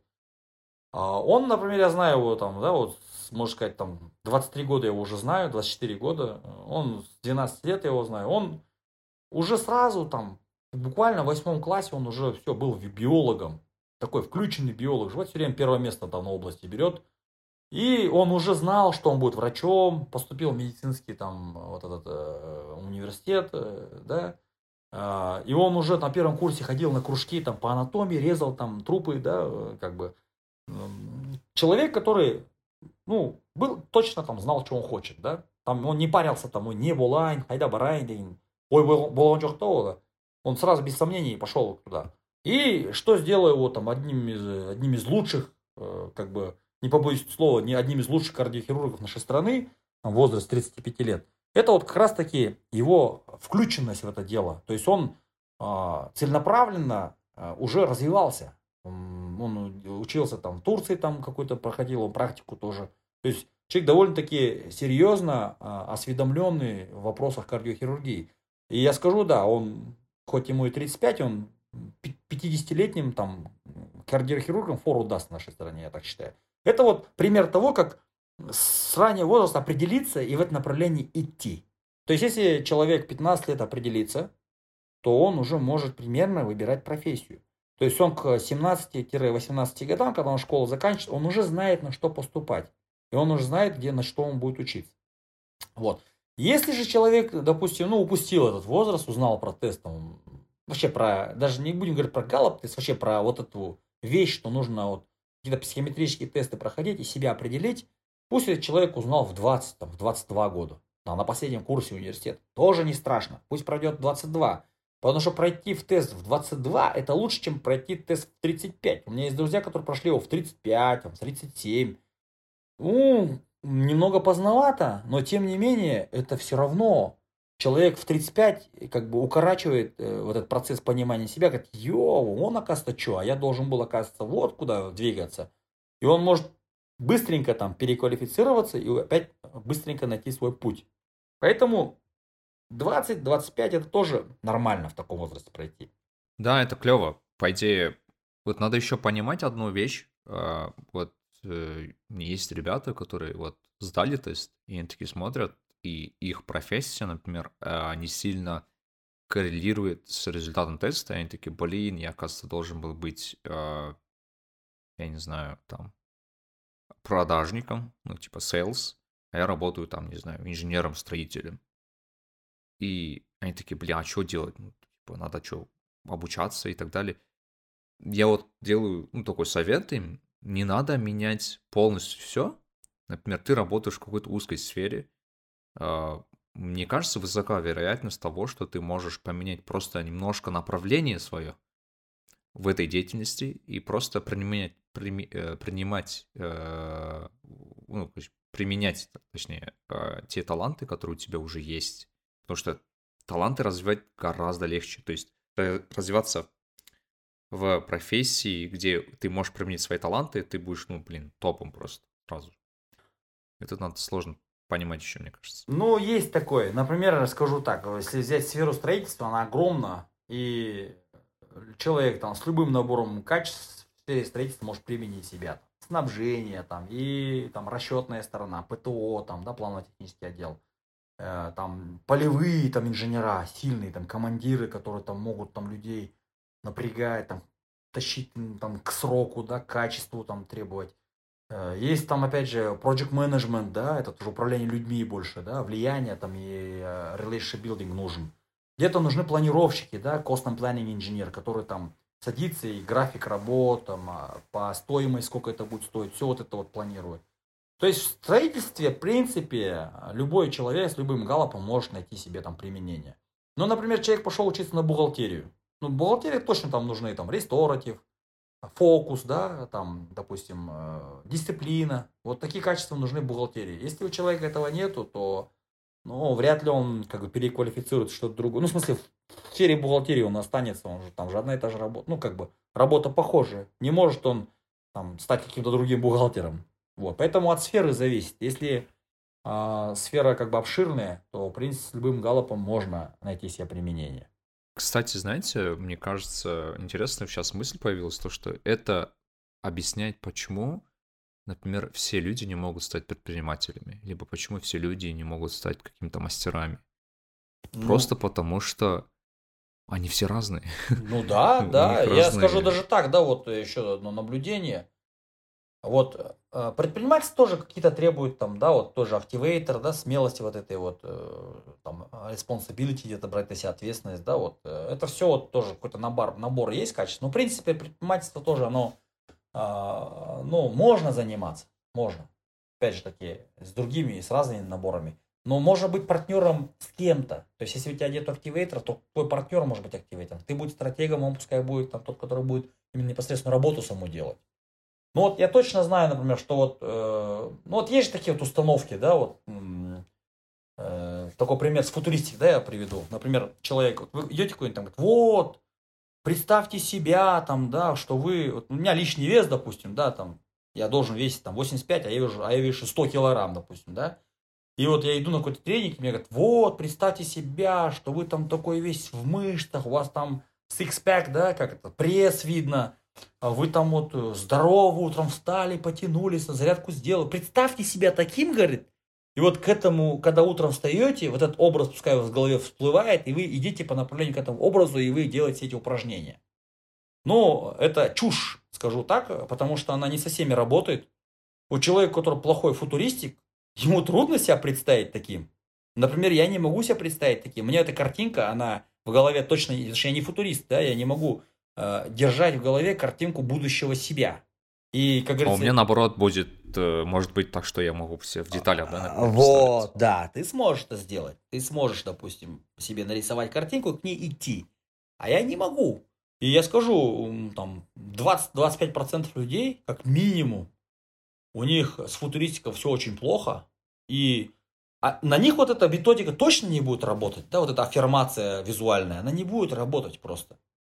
Вот, например, потом есть такое, да, вот, э, тоже приведу пример. Э, значит, э, вы играете какой-то команде футбольной там, или баскетбольной, вы проигрываете сопернику, у вас там перемена вот этот, э, между таймами. И в раздевалку заходит там тренер и говорит, вот, там вот та команда вот такая, вы все чмо, вы там не умеете, вы там не сможете. И вот некоторые начинают прям аж ноздрями дышать, да, как так, как так, да, все, сейчас пойдем порвем их, да, вот а некоторых эти речи вообще не заживают, не как бы, ну, не зажигают. Почему? Потому что у него компетишена нету. Например, я помню по школе нам, когда приходили и говорили, вот, там вы вот, там классы не можете выиграть, я как-то не загорался. Я еще не понимал, почему э, э, другие пацаны там начинают там ерзать на стуле, говорят, все, мы сейчас их порвем, да. Меня эти речи не зажигали, потому что у меня компетишна нету. Когда меня начинаешь с кем-то сравнивать, я говорю, ну ладно, хорошо, молодцы, там, что там добились его. Как-то пофигу, да, на это. Поэтому она не везде работает. Она не у всех, не везде, не со всеми работает. И каждый человек это индивид со своим набором качеств. И каждому индивиду нужна там, скажем так, отдельная программа. Ну, это мои такие наблюдения, которые подтверждены там многими там ну, опытом с работы с разными людьми. И у каждого человека свой набор качеств. Не, у, не каждому человеку подойдет вот эта общепринятая стратегия, которая там пихается тренерами, там на коучами всякими, там на всяких тренингах, там, которые вот устраивает, только как, как заработать миллион там, или как там, стать успешным.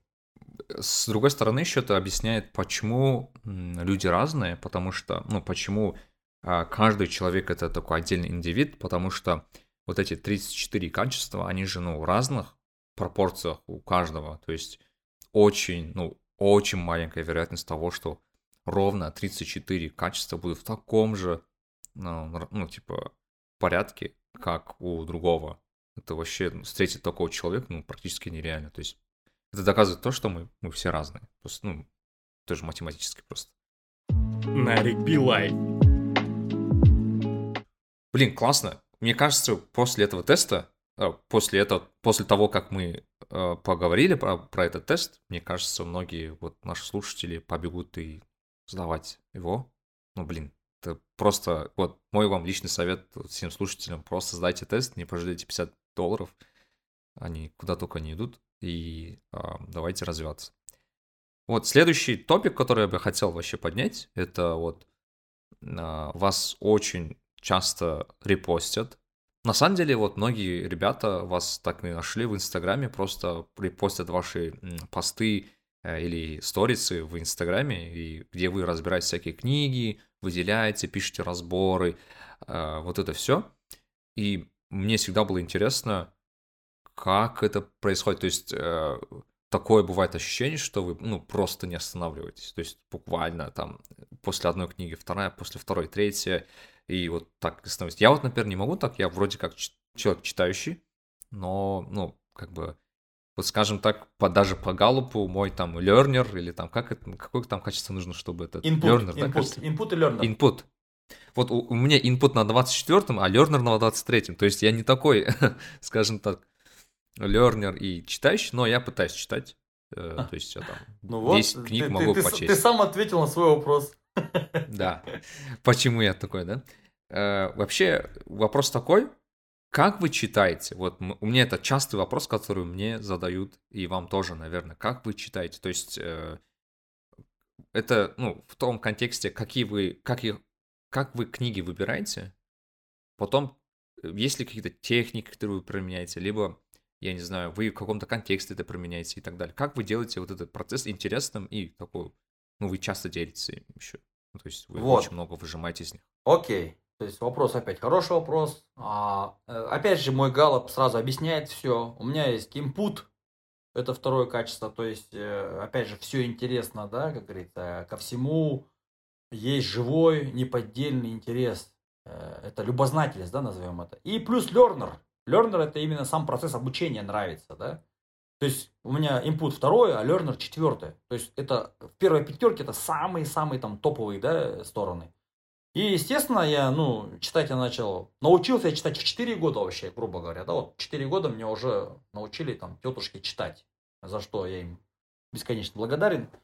Вот, и э, первые книги я начал читать, э, у нас дома была полка с книгами, кстати, вот наличие книг дома тоже говорит о многом, да, если вот э, книги, я не скажу, что у нас там было прям шкафами книг, но у нас была одна полка с книгами, и э, на полке стояла книга «Сказки народов мира», такая советская, это был 88 год, серого цвета такая, «Сказки народов мира 1», «Сказки народов мира 2».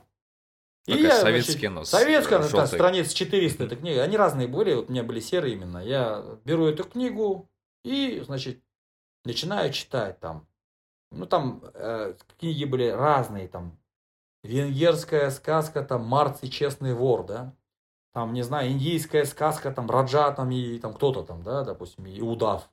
Там, э, и кни- к- к- к- значит, истории из «Тысячи и одной ночи», там, Аладдин, там, кто-то, да, то есть, э, там вот прям писалось, там, греческая сказка, там, американская сказка, сказка, сказка индейцев, каких-то, ну, и просто вот было интересно, я читаю, читаю, вот он прям заходит и заходит, и одна книга, две книги, в 7 лет, значит, мама мне э, где-то купила книгу, называется «Тарзан. Человек-обезьяна». Я, значит, ее начал читать. Это первый такой роман, да, скажем. Тоже все захватывающий. Эти джунгли, там обезьяны, человек прыгает по веткам, вот он убил вожака. И ты все это в голове рисуешь. Э, Прокачка мозгов именно, да, происходит, когда ты читаешь книгу. То есть, а, как мы бицепс качаем, гантелей, да, допустим, э, также мы качаем мозг. Он как мышца тоже. Если мы смотрим телевизор, у нас мозг не работает. Он не напрягается, потому что у тебя зрительный как бы нерв, он читает образ в телевизоре. Ты даже не представляешь, ну, мозг не работает, грубо говоря. А когда ты читаешь книгу, ты смотришь на буквы, которые на бумаге там отражены, да, и ты представляешь себе, вот человек встал из-за стола деревянного, большого, грубого стола, там, из дуба. Ты себе представляешь стол какой-то, да, там. То есть ты уже мозги свои заставил работать.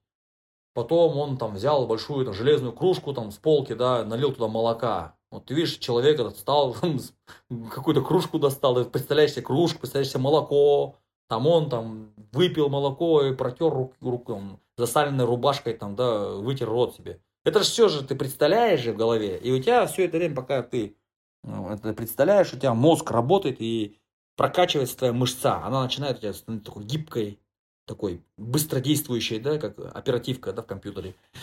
Вот, ну, потом дальше уже пошли другие книги, вот когда мы уже в лицей поступили, там, в 94 году, там начались книги, там, вот, появились первые такие, скажем, западные книги, там, как завоевывать друзей, там, вот эта классика Дейла Карнеги, э, Толкина, там, Властелин колец. Тоже первая книжка, на самом деле, по саморазвитию, которую читал. Вот, ну вот, да, но это классика была, даже в 90-х так много книг не было. Потом «Властелин колец», вот этот был весь, там, «Хоббит», э, то есть э, разные приключенческие какие-то там книги. То есть вначале, в детстве, там, скажите, читал то, что было там доступно, э, что под руку попадалось, «Незнайка» там, да, вот есть «Приключения Незнайки» Николая Носова, тоже отличная книга. Э, какие-то еще там, ну, разные там книги были, я уже сейчас всех не перечислю. Вот, потом, значит, получается, когда уже в студенческие годы а, начались книги, вот, типа, вот, э, появились первые, вот, Киосаки, там, «Богатый пап, бедный папа», тоже эта книга, кто я читал, мне было лет 18 или 19, она мне просто перевернула мозг, да. Я считаю, что книгу она, ну, сейчас такая книга для меня кажется банальная очень, да, но в то время она была как революцию в голове делала. То есть надо быть предпринимателем, надо деньги не тратить как попало, надо больше экономить. Вот многие установки, да, психологические по отношению к финансовой грамотности, к деньгам, да, заложены были тогда у меня. Там. Ладно, родители тоже экономные люди, больше они научили, но уже такое вот э, как закрепление шло на уровне там знаний, шло через книги. Вот «Квадрант денежного потока», там Киосаки тоже хорошая книга. Сейчас многие там могут хаять, Киосаки там такой, Киосаки секой. Там. Ну да, возможно, но э, тоже Энтони Робинс, там «Разбуди себе исполина». Эти книги, которые давали мотивацию конкретную да, в то время. То есть именно для людей, которые молодые, надо начинать с таких книг. Вот я ну, надо признать, что ну, многим она повлияла. Да, она не на всех работает, но на определенную часть, на большую часть она работала. То есть, э, в принципе, книги, ну, э, сделали то, что от них требуется. Да, абсолютно. Вот книга была такая, эм, Джона Максвелла, помню, я тоже читал ее, мне лет было 18, лет 17. Называлась она «21 свойство лидера». Это вот Джон Максвелл считается один из таких вот э, экспертов по лидерству. Вот, кстати, тема лидерства в Америке очень сильно развита. Там вот целые клубы, целые там организации по лидерству, по развитию лидерства. У нас этого нету, к сожалению. Да, вот, э, нам тоже нужно развивать лидерство. Потому что это то, что делает нас сильными. Вот тогда я читал, что такое там слушать людей, там, да, допустим, переживать там за своих там подчиненных. В, ушах лидера звенят голоса людей, эти фразы, как сейчас я помню, да, как вчера читал, как будто. А, там, отзывчивость, да, э, характер, что такое, харизма, что такое. Вот эти вещи были написаны в тех книгах. Тогда. То есть понятие... Кстати, по психологии книги тоже советские какие были, там дома у тетушек я там просил у них, они там на, педагогическом учились, я говорю, а можно эту книгу? Я забирай хоть всю полку, да, я просто брал это, детская возрастная психология, бихевиоризм, там, гештальтизм, фридизм, еще какие-то измы, все эти по, как бы, термины, восприятие, что такое. Это вот Э, базовая такая терминология с психологии была усвоена мной еще когда вот общая психология. Ну, они были в, э, в советское время, да, вот это все? Ну, конечно, советская наука тоже, она же не, не стояла на месте, она очень хорошо шла. Советских исследований тоже очень много, просто я думаю, что многие из них утеряны, книги забыты.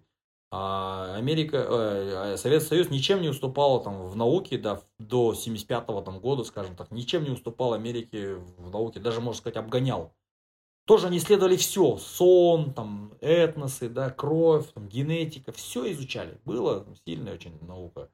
Вот я читал эти книги, которые были, вот, э, скажем так, советские, э, но как, а где больше, что читать? -то? Опять же, моя любознательность с детства идет, да, я всегда задавал запрос, почему? Это если у кого-то кто-то не задает такой вопрос, у него просто это опять неврожденное. Ничего страшного в этом нету, как бы, можно другие качества прокачивать. Ну и, в общем, с годами, в общем, э, книги стали усложняться, э, потом вся эта информация, она в голове хранится, и благодаря инпуту, благодаря контексту, благодаря intellection, аналитикал, у меня больше strategic thinking, да, вот по Галлопу. Я, значит, значит, вот э, стал какие-то более сложные вещи читать. Ну, в среднем я читаю где-то около 30-40 книг в год. Если там какой-то э, серьезный объект, там сильно занят, я ну 10-15 книг читаю в год. Но я не могу без книги ходить. У меня, вот даже я сейчас сюда с тобой при, э, в Турцию приехал, там, да, на, на 10-15 дней сюда по работе. Я даже с собой взял три книги, да, вот не поверите, три книги. Потому что я... Тяжелые, наверное? Нет, они не тяжелые, я выбирал тоже. Но у меня такой страх есть такой, что если я без книги останусь, что я буду делать, да, вот это вот мои тараканы. Кто-то будет над этим смеяться, но кто-то такой ну, же, как блин, я. это классно, это же классно. То есть, э, ну, имеется в виду, э, есть такое на английском же есть слово э, nice problem to have, типа классная проблема, чтобы иметь. Пусть будут такие тараканы, да? Да, лучше, чем остальные. Вот, я поэтому думаю, что я завтра, послезавтра одну книгу закончу, еще одну вот. Ну, опять же, урывками. Сейчас я вот сегодня в Анкаре там снимал вот эти всякие вот, э, ну, достопримечательности ходил, смотрел, мне интересно, там и выкладывал даже в Инстаграм. Ну вот, а, что, э, как бы, книга, она всегда со мной должна быть. Если в сумке у меня нет книги, я себя плохо чувствую, например. Вот я себя, mm. например, плохо чувствую, когда у меня налички в кармане нету. Сколько там на карточках не было бы денег, я всегда должен как бы наличку в кармане носить. Интересно, я вот вообще, вот, видимо, я слишком такой э, новый человек, я вот э, могу там ходить с одним телефоном, даже ни карточки, ни портмоне, ну, Apple Pay там платить, переводы, переводы делать. То есть для меня вообще денег не имеет. Ну, может, это же, это может быть то, что поколение вы другое уже, да? Вот-вот, я и говорю то, что разница поколений. То есть все-таки, ну, люди, которые видели Советский Союз, мне кажется, они все-таки наличку хотят я, видеть. Я ну, не скажу, что Советский Союз. Это Нет? я думаю, что у меня, например, по-другому. Я, например, какой-нибудь приезжаешь в какую-нибудь Коста-Рику или какую-нибудь там Ямайку, и идешь там что-нибудь хочешь купить, а там какой там карточка, они говорят, извини, там у тебя есть наличка, да, ты там, я же как контекст, я сталкиваюсь с ситуацией, когда ты в Бангладеш какой-нибудь там, не Бангладеш, извиняюсь, там Камбоджу приехал и там на базар идешь, хочу купить шляпу, да, там жарко, и там какая карточка там с телеги человек продает тебе шляпу, да, ты должен налом платить. Причем валюта, если ты там долларом будешь платить, они будут включать дуру, что у них там сдачи нет. И тебе придется там за трехдолларовую шляпу 10 долларов отдать. Ну, я просто вот условно говорю, у меня больше контекстом это, ну, это э, бзыки. Из опыта, да? Да, такой? из опыта, из контекста я а, должен как с собой наличку ну, в контексте путешествий, да, это да. И вот хотел спросить, вот смотрите, вот часто говорят, э, ну, такой запрос есть, вот я хочу читать, у меня не получается, ну, или там, я читаю медленно, говорят, я читаю, читаю, читаю, мне скучно, я хочу спать, Я, короче, читаю, читаю, читаю, понимаю, что это вообще не то. То есть, какая есть стратегия для этих, для этих ребят? То есть, э, есть люди, которых, ну, книги просто не берут. Вот лично я, честно, я, когда говорят так, типа, я читаю, мне не нравится, я говорю, не читай просто. Угу. Ну, имею в виду, если тебе не интересно читать, не читай, не надо читать то, что тебе не интересно. Все правильно. Э, или я говорю, если ты читаешь медленно, ну это твоя скорость. Имеется в виду, значит, ты информацию воспринимаешь там аудио, а, через аудио, через видео. То есть хорошо, тебя, там, хорошо, хороший вопрос. Поясняю, поясняю. Часто задают вопрос, часто э, все очень, опять же, просто по галопу, если у тебя нету, скажем, инпута и лернера, то у тебя, в принципе, нету естественного интереса поглощать информацию. Правильно же? Логично? Логично. Но любой разумный да. человек, он понимает, что читать нужно, потому что это знание, это все равно обширная база. И если хочешь расти, то нужно обзаводиться знаниями, правильно же? Вот, они как бы проблему видят, хотят ее решить, но у них нет врожденного желания читать. Что делаем в этот момент, в этой ситуации? Да, вот решение очень простое. А, у этих людей, которые, вот, допустим, не имеют learner'а, у них обычно бывает там хороший competition, хороший бывает там, не знаю, achiever бывает, да, фокус хороший бывает, или дисциплина хорошая бывает. Просто тупо, да, вот берешь свои другие сильные стороны и подтачиваешь их. Допустим, а, есть такое как бы тоже понятие, как выработать привычку. Правильно же? Вот человеку, который, допустим, начал чистить зубы, ему не нравится процесс в детстве. Он говорит, да нафиг это зубы чистить, фу, ее, там, я уж похожу, там, да, вот он забывает, он не хочет. Но к 12, так, к 15 годам все мы уже не можем жить без э, чистки зубов, правильно же? Не можем просто, все, мы, мы плохо себя чувствуем. Да, да, То же самое, то же самое, абсолютно то же самое, та же техника вырабатывания привычки. То есть берем, ставим себе цель, самую такую выполнимую, легкую, там, две страницы в день книги читать, три страницы в день, одну страницу книгу читать в день. А, привычка вырабатывается 20-45 дней. 20 это тем, кому там 15-20 лет, эти ребята могут за 20 дней выработать привычку. Люди, которым за 30, они э, вырабатывают привычку в течение 45 дней. Опять же, это книга Atomic Habits называется, да, атомные привычки. А, там автор Джеймс Клир, по-моему, он пишет, что вот именно вот, э, из-за миелина, есть такое вещество в голове, миелин, э, которое закрепляет там э, паттерны поведения, привычки, да, оно вырабатывается в молодом возрасте больше. У детей вообще там сумасшедшее количество вырабатывается до 8 лет. Вот, поэтому до 8 лет привычки, если детям привить, они на всю жизнь останутся. Вот, теперь людям, которые не охота читать, которые говорят, басмор петет, там, цумбим, там, петет, это вот таким людям нужно именно а, научиться читать хотя бы там две страницы в день. От двух страниц, думаю, голова не заболит ни у кого. Сел, прочитал. Сделать это ритуалом. Утром, перед сном, в течение дня, не знаю. Ачивером тоже цель себе ставит, он каждый день две страницы прочитать. Он в первую очередь с утра встанет, будет две страницы читать. А, у кого дисциплина сильная, они могут себе на какой-то график настроить и в это время читать. Да, у кого там competition, они могут тоже там, блин, неужели сегодня не прочитать, неужели сегодня не прочитаю. То есть можно себя программировать и как бы читать. Человек, который читает по две страницы в течение 10 дней, 10 дней там, да, гарантию даю, на 11 дней он будет читать 3 страницы в день. Просто пусть он подряд 10 дней читает. На, на, значит, на 11 день он будет 3 страницы в день читать. На 20 день, на 21 день он будет читать 4 страницы в день. Даже если он за 10 дней будет плюс одну страницу добавлять, все. У него вообще, в принципе, за 20-40 дней должна выработаться привычка. То есть, если он 40 дней подряд читает хотя бы по 2 страницы, и на 41 день он не прочитает эти две страницы, он будет такой дискомфорт чувствовать, потому что привычка его как бы не осуществилась. И вот э, стратегически важно таким людям просто начать процесс чтения э, там, с двух-трех, с пяти, сколько, сколько они напряг да, читать страниц в день. И со временем она будет наращиваться. Если человек, там, скажем, через год дойдет до 20 страниц в день, это уже хороший объем чтения. 20 страниц в день это примерно за ну, две недели, скажем, одна книга. У нас сколько в году? 55, 50, 54 недели? Пожалуйста, делим 54, на 2. 4, да. Делим на 2, 27 книг в год. За 27 книг в год через 10 лет вы станете руководителем какого-нибудь предприятия. Точно вам гарантию даю. Можете проверить. Ну, еще, еще, еще стабильно это делать, то это да. Да, стабильность она вообще, вот даже э, мы люди верующие, да, знаем, а, как бы совет нашего пророка, он сказал, Лучше делайте мало, но постоянно. Это тоже мудрость, которая, как говорится, склоняет человека к выработке привычки хорошей. Вот. Mm-hmm. Ну вот, как-то так. Я, я другого решения не знаю. Ну да. Ну, это классно, да. Ну, делать маленькие вещи. Вот у меня вот сейчас такая интересная история в голове сразу всплыла.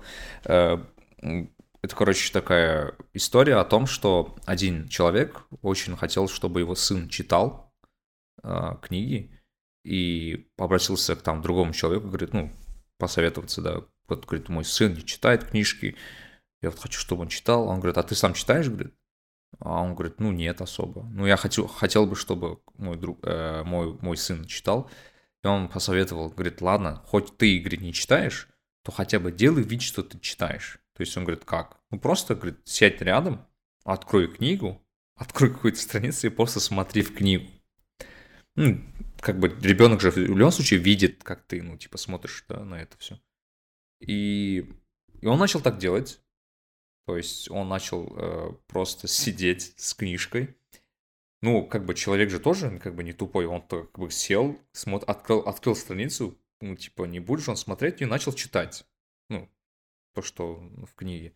В какой-то момент, э, вместо того, чтобы там э, сына научить кни- читать книги, он сам себя научил книги, книги читать, потому что, ну, просто начал читать книги из-за того, что хотел Мгм. смотреть книгу, да, то есть, имею в виду, э, это как раз-таки еще, наверное, вопрос о том, как, наверное, наших детей или там братишек, сестренок учить, ну, прививать это качество читать книжки, давать пример, да, например.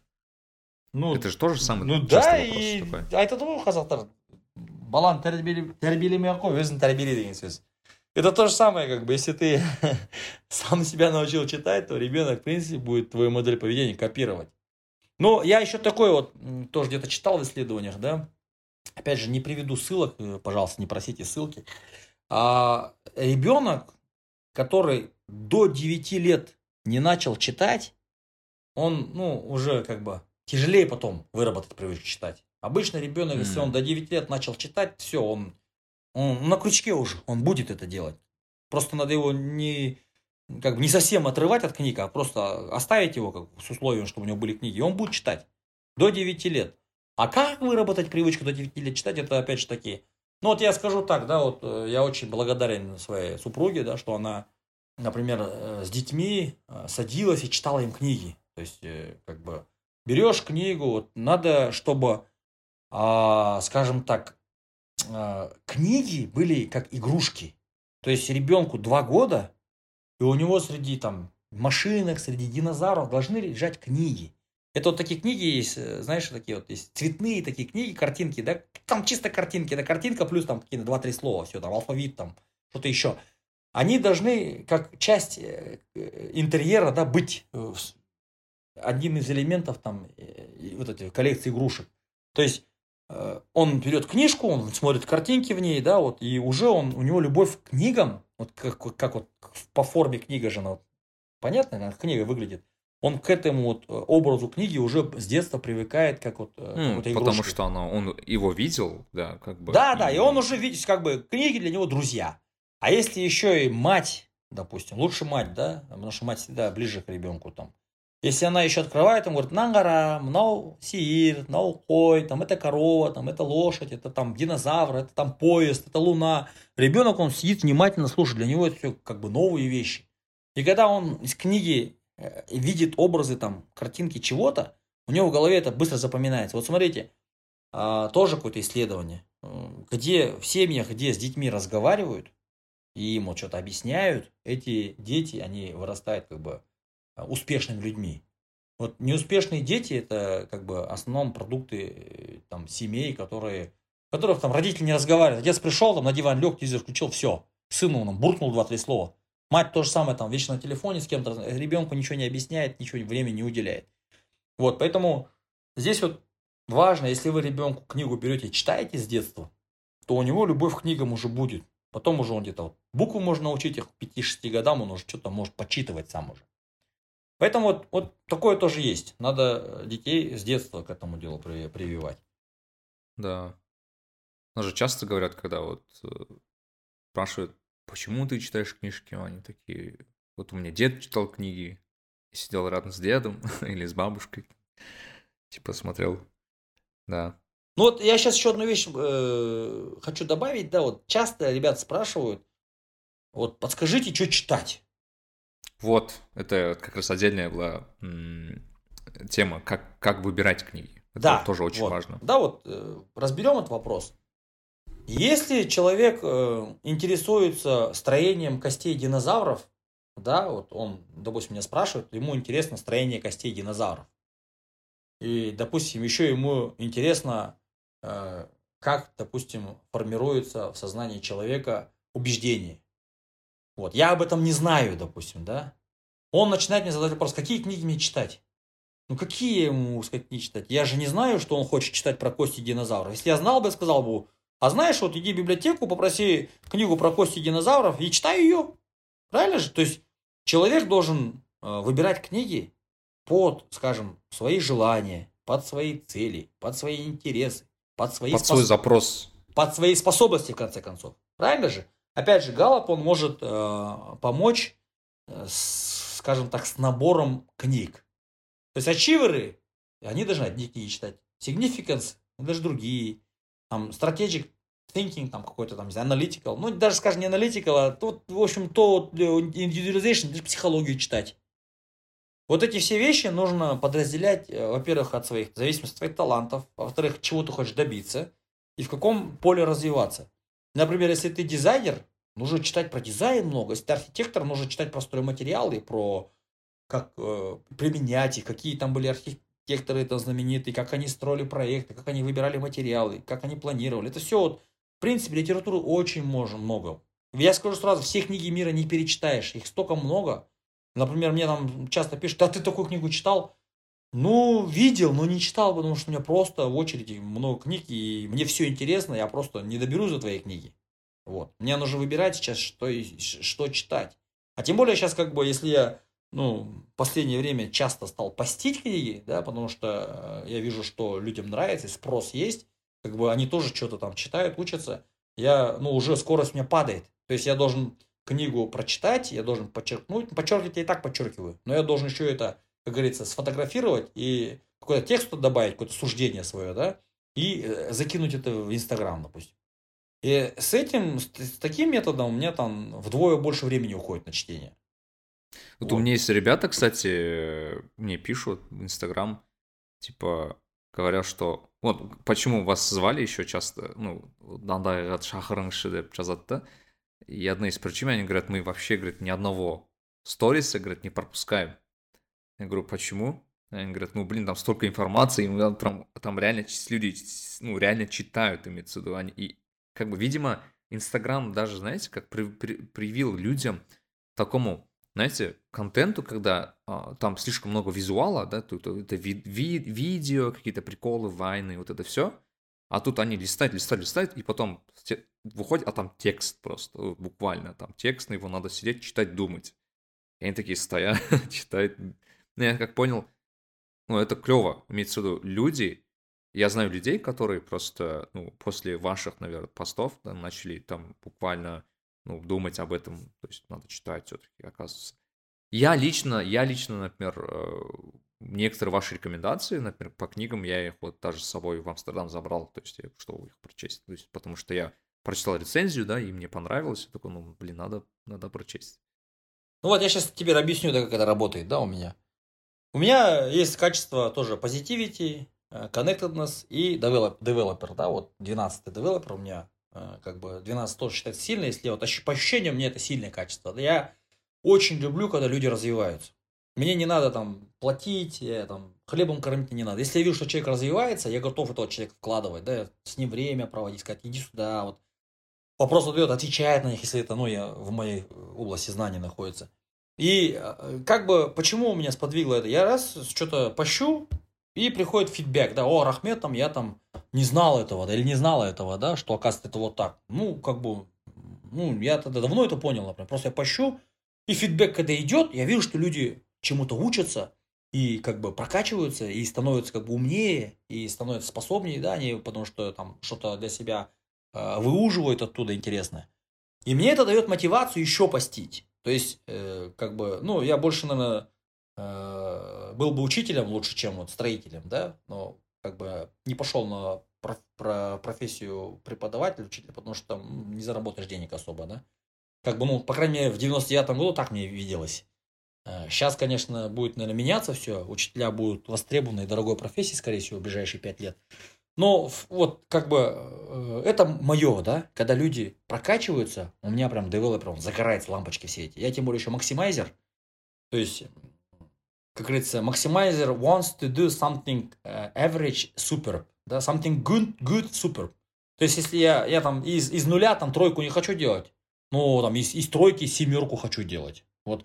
Поэтому, когда человек, тем более образованный, там, стремится к чему-то, у меня сразу все лампочки загораются, я хочу там как помочь этому человеку.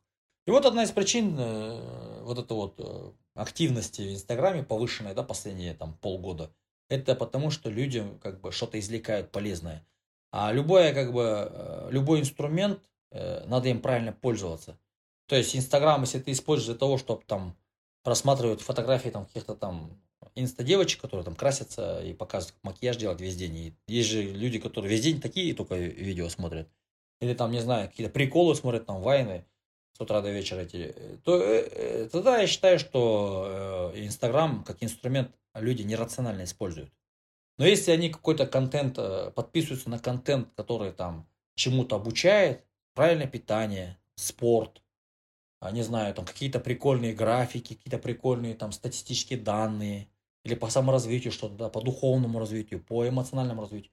Если люди Инстаграм используют с этими целями, то это очень хороший инструмент. Почему нет? Почему бы не проводить там даже два часа в день в Инстаграме? Вот. Ну, э, что еще, да, вот э, по, этой, по этому поводу сказать можно? Я не знаю, вот тоже я иногда замечаю людей, вот просто человек, когда подписывается, я смотрю вот так в ответку, да, что за человек. Я удивляюсь на некоторых людей, там, они подписаны на тысячу человек, на полторы тысячи человек. И... Ой, я знаю, который на пять тысяч человек. Ну вот, вот, я просто не могу понять, да, как можно э, вот, на пять тысяч, ну там, да даже не на пять тысяч, даже на тысячу человек подписаться, и там смотришь, там в основном-то люди, это там бесполезный контент, да, и как можно столько времени, там, просматривая ленту, и смотреть этих людей. Я, я считаю, что это нерациональное, нерациональное использование своего времени, временного ресурса, который невосполним, который не вернуть назад. Потерян все раз и навсегда. Вот, ну, вот как-то так. С книгами нужно индивидуально. Я считаю, что каждый человек должен иметь индивидуальный набор и подбор книг. Нарик Билай.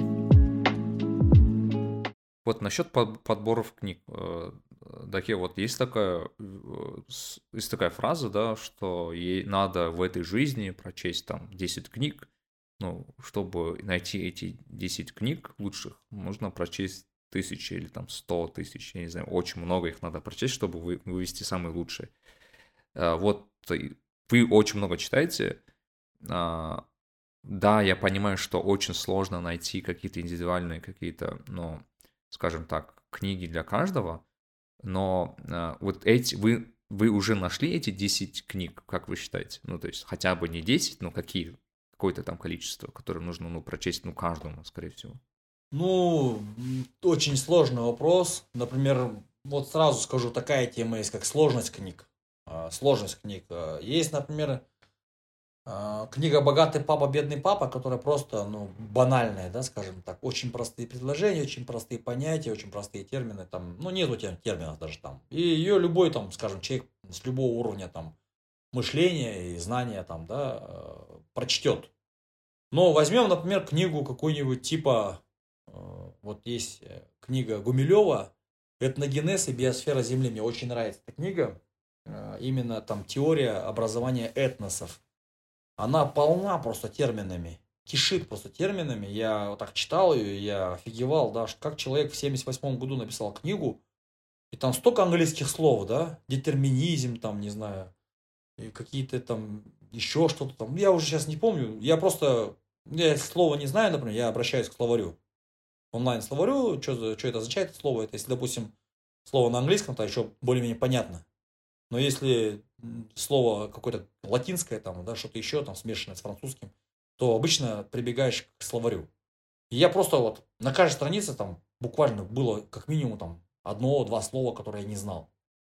Вот, например, из книги Талеба, э, серия книг, инсерта, э, вот начиная там «Одураченная случайность», очень, очень рекомендую эту книгу всем, кто там, ну, бизнесом занимается, не знаю, там, хочет разбогатеть внезапно.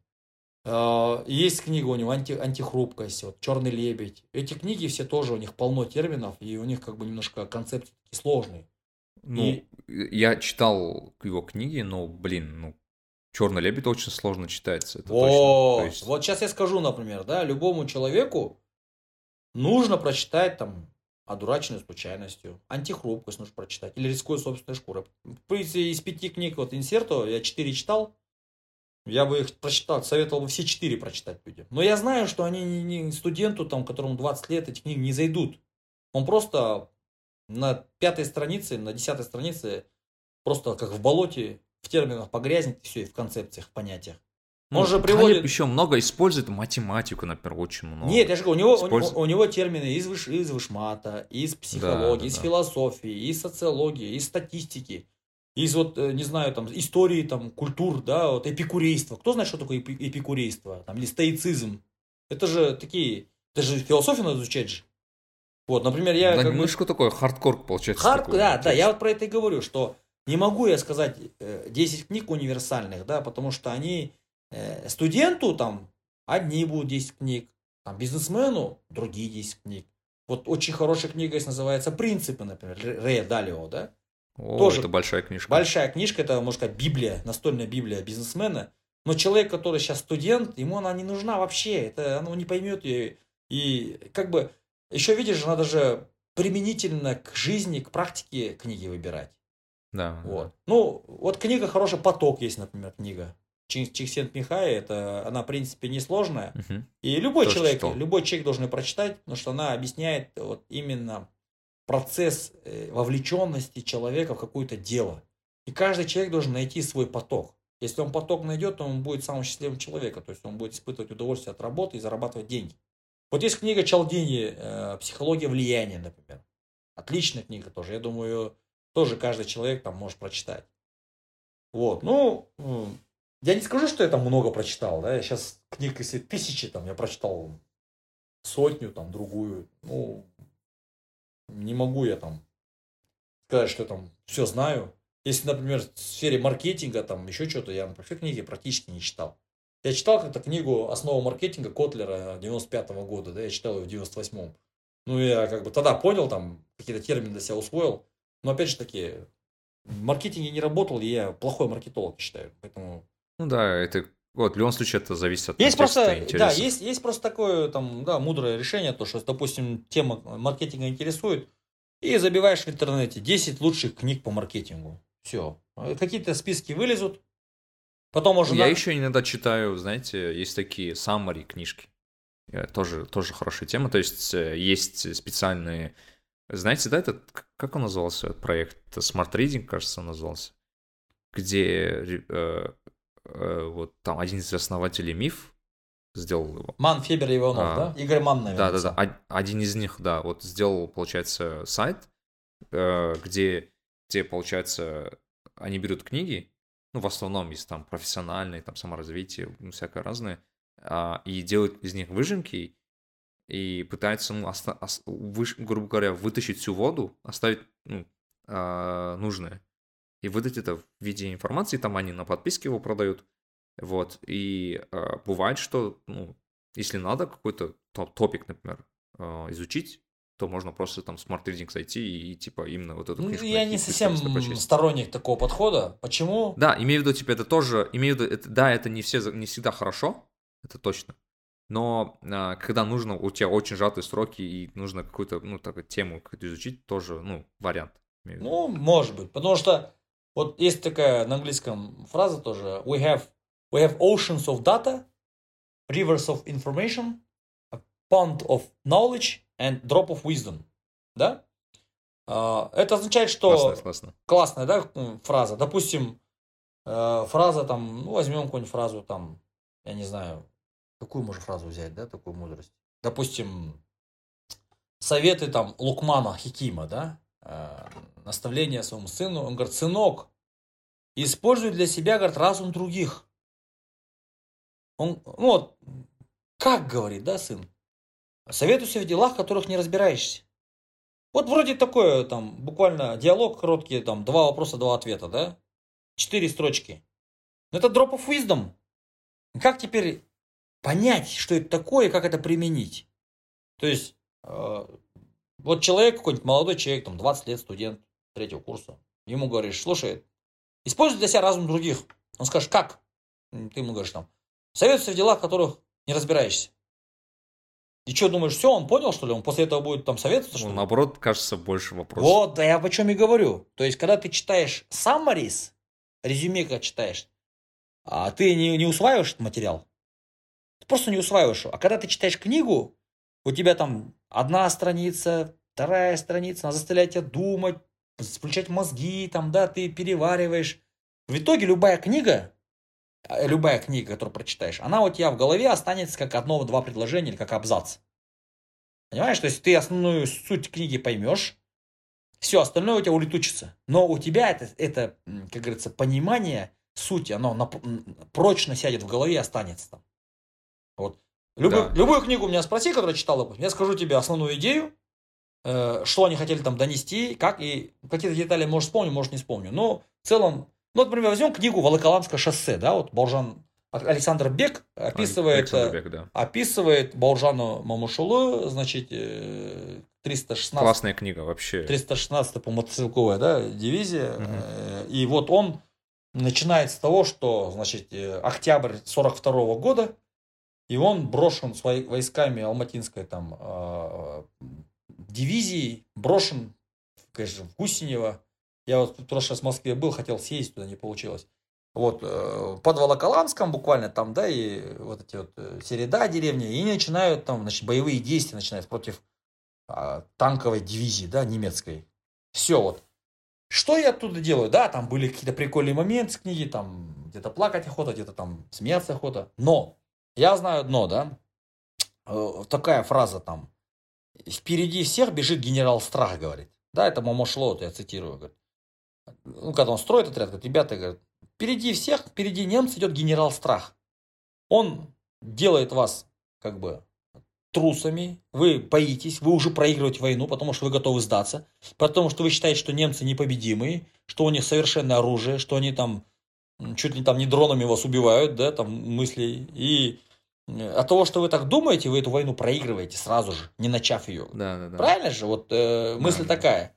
И он делает вылазку, э, с маленький отряд отправляет, они там берут языка, офицера кода ловят, захватывают там трофейные автоматы, там, э, правильно, и возвращаются. То есть Момушулу там конкретно как э, учит людей, как подавлять страх на, как бы, на войне.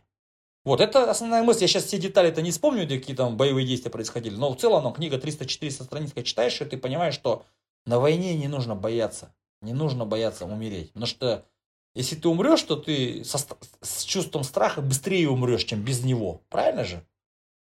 И вот как эта тактика, как бы, э, вот этого всего, да, военных действий, там, как оно, дух, дух товарищества, дух там братского плеча, там, самоотверженность, героизм, они описываются вот в книге. И ты после этой книги, ты меняешься, ты начинаешь смотреть на мир по-другому.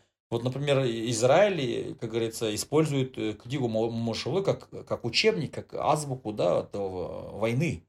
Читайте, говорят, он, каждый солдат а, израильской армии, а израильская армия входит, кстати, в топ-7 сильнейших армий мира, они как учебник эту книгу используют. Поэтому говорю, с каждой книги нужно, э, можно вывести там одно-два, там буквально там, ну, один-два абзаца, основную мысль. И поэтому читать нужно книгу полностью, не кусками, там, не, не этими, не, вы, не выжимками. Еще, еще один вопрос тоже, да, есть такой часто, скорочтением. говорят. Они думают, что я там э, читаю книги с скор- скорочтением, и там, что я читаю в месяц 30 книг. Я не знаю, я не знаю, что такое скорочтение, не изучал, да, но по мне кажется, это как бы, ну, вот что-то типа выжимки, да, ты прочитал что-то, нифига не понял, но примерно можешь пересказать. Вот есть же отличники школы, которые зазубривают, выучивают, и идут там, др-др-др-др, у доски все рассказывают, все, а в голове ничего не осталось. То есть его завтра, э, как бы он, может быть, и заучил все это, но применительно на практике в жизни он это, эти знания не применит никак. А, ну, короче, я проходил э, скорочтение, на самом деле, я сам. Э, прям вот хорошая практика. У нас даже есть, кстати, подкаст с э, моим тренером, коучем, кто это учил.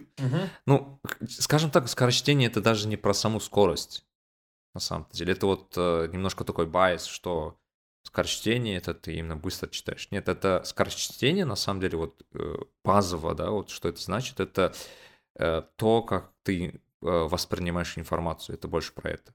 Ну, то есть, например, мы читаем, да, книги, вот вы как читаете? Вы видите слово, вы же видите слово Да, одно. да. Вот. Э, Почему вы не, не видите буквы?